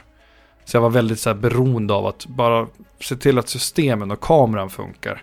Ibland hamnade den ju också mot så här, vissa stora bossar, så hamnade den under marken så att halva skärmen var täckt av typ lila brun sörja. Eh, så att det, ja, det fanns element som jag bara kände så här, snälla slåss jag mot kameran eller mot en boss?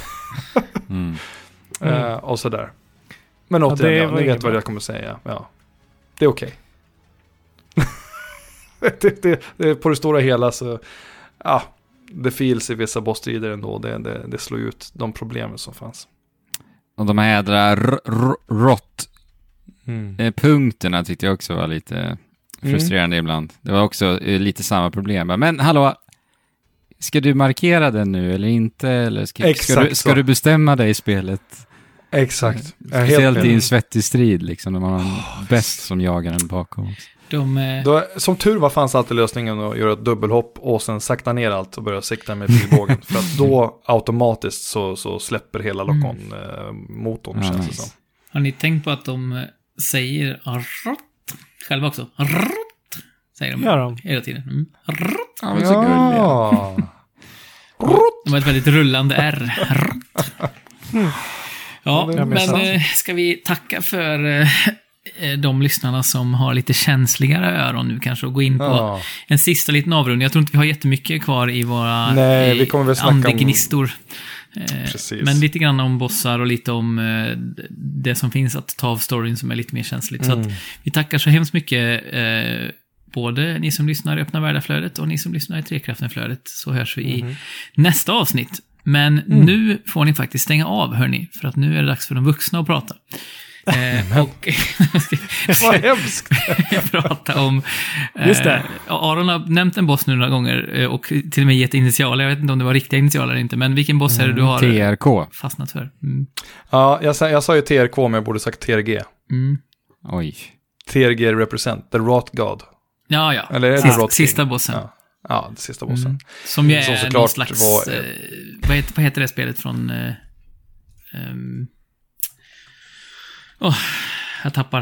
Eh, IK, Shadow of the Colossus och Ah, The Last Guardian. Last Guardian. Det ser ut, den, ser- den påminner lite om eh, Last Guardian. Ja, visst. ah, du menar så ja. Vännen. ja. Jag tänkte bara att det var en, det var en sån kalasig, eh, otroligt kalasig eh, strid i, tills jag inte orkade mer. Eller så här, jag var ju Ja. så stressad hörni, så var det ju. Du spelar, Alltså jag var ju verkligen, ja. Du spelar spel för att hinna med att spela in det här på ett Ja. par, tre dagar i princip. Satt in i det längsta. Ja, så att vi behövde liksom klocka in bokstavligt talat minuterna när eftertexten var klar och så satte jag mig här med er. Och jag menar, det som var var väl egentligen att musiken där och settingen. För Mhm. när man kommer in där med Kina, då först så möter jag en stor, stor, stor drakliknande varelse. Eh, och det är den största fienden, bossen i hela spelet. Och där ska jag liksom eh, ta ut några specifika punkter. Och jag märkte själv, alltså svårighetsgraderna. De här punkterna som jag ska sätta en pil på, typ armbågarna och knät eller rygg och ansikte. En pil på lättaste svårighetsgraden. Eh, på, på den som jag har spelat på, då är det fyra pilar per ställe. Oj. Ja. Alltså, Fyra fulladdade också. Jag, spel? Fyra fulladdade pilar också. Ja, precis. Eller också, så är det tre fulladdade. jag bytte också ner till lättaste svårighetsgraden på den sista ordinarie Ja. bossen innan slutbossen. Eh, för att jag behövde också bli klar och orkade inte. Jag, jag kände att jag hade liksom, jag var spänt. Jag hade liksom spenderat den Mm. mentala energin jag orkade på bossen och kände att jag orkar inte. För det är ju ett gatlopp i slutet också med typ boss efter boss i princip. Ja, Ja, jag tyckte det var lite, lite orättvist eh, fördelat. Att så här, eh, du kommer tillbaka till bossen och sen om du inte har något liv så har du inget liv förrän du har lyckats få upp en rot eh, courage boll. för Och den går inte att få upp. Ja, och den kunde inte få upp. eh, Och sen måste Så att- man göra om det där jäkla plattformsmomentet Ja. varenda Ja, precis. jädra gång. Och hur kul att- är det liksom? Så Den att, jag hade svårast med, det var första striden med den här liksom, den, den här ruttna trädgubben. Den här trefasstriden. Ja, det var ju det svåraste Ja. på hela slutbossen. Alltså Absolut. det var det värsta. Var de. Ja, för mig var det ju för sig också det sista tyckte jag. Sista Ja, okej. delen. När man ska identifiera att det är spjut som sitter i den här varelsen. Ja. Just det. på Ja. den. Det var, vänta, vad Ja. gör jag här? Jag hoppar runt. Jag tyckte också det var svårt och de signpostade inte så bra. Jag tyckte det var svårt att Nej. se att det var det man skulle göra och då hade någon bara sagt du ska göra som i Mario Odyssey. Jaha. Ska dra loss de här. Jag, så, Ja.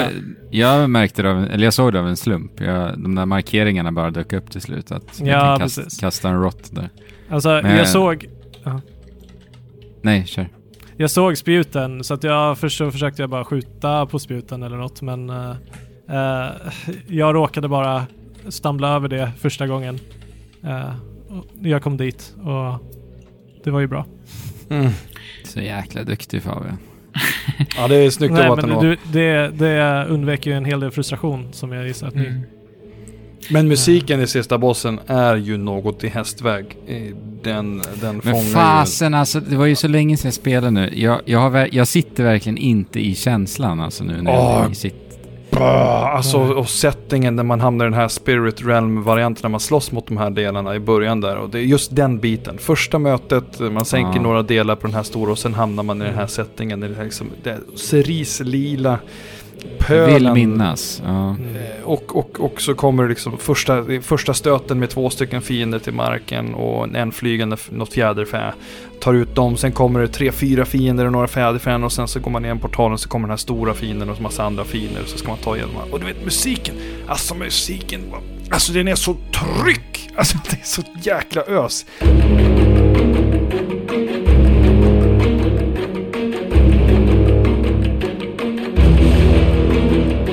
Med blås och där började det på riktigt för första gången verkligen bli någon form av adrenalin. Alltså där, där, där släpper det, eh, alltså många bossstriderna gör ju det, den här gamelan, gamelan-musiken, den här, eh, vad ska man säga, indonesiska, eh, det är ju en gamelansk eh, orkester också som har Mm.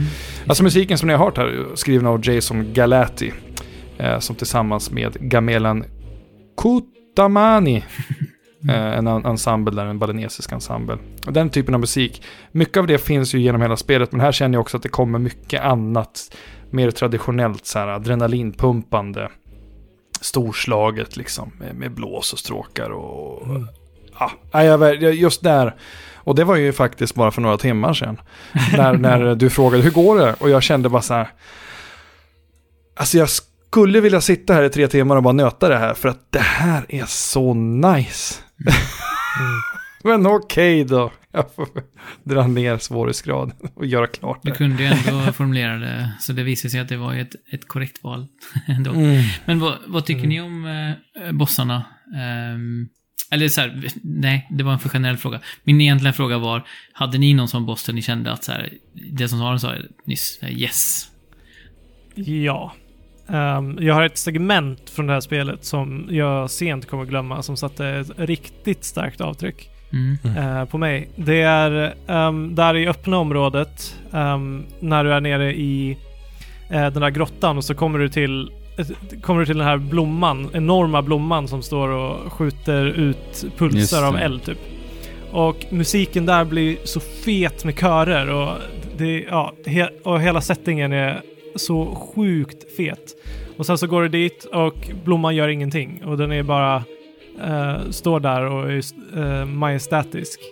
Eh, och så dödar du den och så åker du upp och sen så är det dags att gå till tornet och då är tornet perfekt framat i en Mm. liten Ja, jag litet vet. dike så. Så kan det glida Så- ner där Och så glider man också. ner där och springer till tornet och sen så, Mm. sen så hoppar du in i tornet och så kommer en eh, thunderstorm.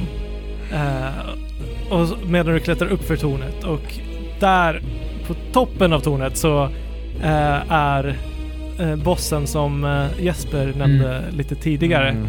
Som Är det Vine Knight eller vem är det? Nej, det är hon eh, Adira, Wood, Corrupted Woodsmith. Adira. Ja, ah, just det. Corrupt. Ja.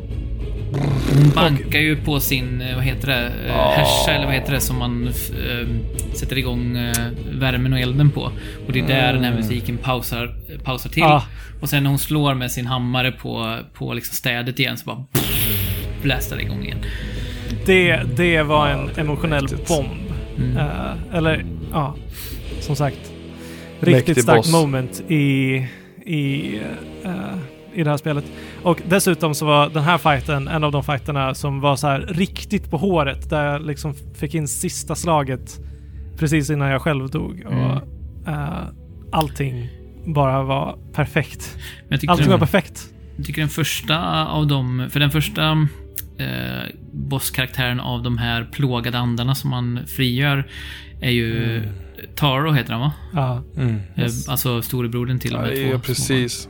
Eh, och den tyckte jag var i sig jag tycker nästan, ja, jag, jag tycker nog att uh, Adira, Corrupted Wood, Woodsmith var bättre, men annars så tycker jag nästan att Taro är en av de bästa sekvenserna i hela spelet. Eh, Han är någon slags varulvsliknande uh, tingest som springer runt Ja. och, och just när han kommer nära en, den här urkraften som man kände när han stod och vrålade den i ansiktet, det tyckte jag var otroligt mäktigt. Och sen också just den här, han gör en rusning och plockar upp en och bryter av en som en trädkvist i princip. Det tog ju ganska bra tag innan jag fattade att aha, jag måste avbryta den. Jag försökte dodga den, men jag måste skjuta på hans eh, känsliga punkter för att... Och då när man gör det, när han kommer emot det och försöker liksom göra en sån björnkram och greppa en och twista av en eh, lederna, så träffar man honom då så kommer han sådär tungt dråsandes, glidandes i, i eh, dammet. Så det bara kommer upp ett stort dammoln. Och så kommer han glidande runt det så man måste vända sig om och, och sen hamra på honom när han ligger där lite omtöcknad. Det tyckte jag, just den sekvensen när jag så här prickade pilen precis innan den nådde mig och så kommer han dråsande bredvid mig. Det var också en sån här riktigt häftig sekvens. Det var lite Mm. oväntat bökigt att träffa också tyckte jag. Men det kändes med det extra tillfredsställande när man var här. Mm. Jag vill bara hoppa upp i luften och skjuta. Jag tror jag aldrig skjutit så mycket pil i luften. Jag har aldrig stått och skjutit pilar tror jag. Ja men du, det gjorde inte jag. Du, Renbro, vad hade du för eh, boss eh, wow moment? Eh, Alltså det, ni har nämnt så många bra här nu. Mm. Eh, Så jag kommer inte komma med så mycket mer. Och min hjärna är liksom ut och in just nu. Så jag, och jag, Ja. det var veckor sedan jag klarade av det här. Så att Mm. jag kan, jag kan inte greppa någon känsla som är värd att dela med mig av riktigt. Men, Så- men, men ska vi eh, till sist då eh, debattera huruvida Kena är död eller ej? Eh, Ja, jag tar fram dokumentet. Eh, Ser alla punktlistorna. Ja. Röda Andrew. Andrews hjärna är död, men är Kena, är. Kena död i spelet? Eller inte? Frågan. Alltså, vi har inte pratat så mycket om liksom storyn överlag. Eh, och innan vi hoppar in på det så, eh, en, en stark känsla som jag fick i spelet var när man insåg att så här, ja, okej, alla är döda. Även Ja. de här små barnen som har följt efter. Liksom. Mm. Eh, det, det var ganska, alltså, det, det satte ju en ton Mm. i spelet som jag inte heller förväntade mig Nej, och precis. som, som var liksom så perfekt melankoliskt på något sätt. Mm. Ja, det är verkligen något som kan, alltså, blink and you miss it. Mm. För att till och med eh, efter att du, du har spelat igenom hela spelet så kände jag många gånger att förstå vad många som kanske inte tänker på de här karaktärerna på det sättet för att de fortsätter ju vara levande, nu inom citattecken Mm. Eh, nej, det, det är verkligen att, att eh, ja, det finns ett, det finns ett, eh, Det finns ett djup ett melankoliskt där, absolut. Ja, för att det, det är ju så, man ser ju i eh, de här minnessekvenserna hela tiden hur den glittriga, guldiga själen lämnar de här olika karaktärerna Precis. när den här pulsen kommer från berget som, som liksom är, som dödar allting eh, levande. Och ehm, i en sekvens eh, i slutet av spelet när Kena möter på den här ja, eh, byhövdingen som man ska besegra, som är näst sista bossen innan Rotgod. Så ser man ju det hända med henne också, fast väldigt snabbt. Eh, Mm. Och jag vet inte vad det skulle finnas för annan förklaring än att hon dog i den sekvensen, men klängde sig fast i världen för att hennes ehm, liksom mission innan hon kunde gå vidare var att se till att den här byn läkte så gott den kunde och hjälpa de här sista andra andarna. Eh, Eller finns det en annan tolkning man kan göra? Alltså hon, eh, vi får ju förmågan att äntra spirit, the spirit world genom portalerna och eh, han säger till och med att ta sig ut från eh, the spirit realm is not an easy feat. Mm. Eh, liksom. Så att jag tolkar det nog som att hon är levande och att, men att ehm, som, eh, vad, kall, vad kallar man dem? Uh, sån som hon är, en eh, spirit guide, Mm. Eh, kan röra sig liksom mellan, mellan de olika Mm. planen. Mm. Men, för det, det är jag det också... som. Bara. Det är också det. sista, det sista um, dialogen i hela spelet. Är ju att, eh, ja, byäldsten som vi pratade om tidigare säger ju så här, Mm. det finns bara en själ kvar som du måste Ja, släppa fri. Mm. Och, och då ska du, Är det henne själv? mm, eller är det då The Rot God som man precis har Mm. besegrat. Det är ju medvetet ambivalent, eh, Precis. såklart. Ja, jag tolkar det som att det var ganska övertydligt att det var The Rot God. Men, men eh, det, jag har inte ens tänkt på att det kan vara hon. Jag se. tänkte det så här, är det Kenna? Mm. men jag tror inte det. Men det är ju öppet Eller och det är det The som är fantastiskt. Kina? Wild conspiracy. Time is up, The Rot God is Kina. Det, det var en sån mindblowing, det var en sån mindblowing eh, revelation så att vi får avrunda avsnittet här och välkomna Och Eh. jag vaknade av den. Ja, precis. Får välkomna Öppna Världars och Trekraftens eh, lyssnare att komma med sina egna eh, theory craftings i våra respektive discords och eh, andra kommentarsfält. Ehm, är det någonting vi behöver säga för att avrunda här? Jag har lite svårt att veta om jag ska köra Nej, Öppna då, det- Världar-avrundning eller Trekraften-avrundning. Det får vi, vi, vi kan, eh, kör på så, så, så kan vi köra på razzia tänkte jag att jag säger nu. Det är väl jätteroligt att bara göra något. Ja, vi någon, kan göra så här. Cross, Vi kan crossover Ja. avslut. Ja, vi kan, ja precis. Eh, ja. jag vet inte vad jag ska säga. Jo, vi fick ju i alla fall eh, en, kod här ifrån Ember Labs. Mm. Eh, som som eh, vi har sagt nu. Så, Ja, Punkt. och, eh, Och sen var det musik, inte mer med det. Ja, men musiken är här i bakgrunden är Swanee River, eh, Younger Reinhardt. Exakt. Eh, framförde La Villa, La Villa Tudor. ja. Eh, och eh, om ni vill kika in Öppna Världar så finns vi på diverse, diverse ställen. Öppna Vardar på de flesta sociala medierna. Mm. Och det finns en Discord att gå in på. Och det gör det på Trekraften också. Man kan gå in på vår Discord. Eh, och kika in oss till exempel på Instagram, Trekraften, där vi är kanske som mest aktiva i den eh, kontexten. Men då återstår det väl mest att säga då. Eh, kom ihåg att det är coolt att vara snäll och eh, spela på. Och chip. Shula. Hoppedy. Ja, de säger någonting. Hopp.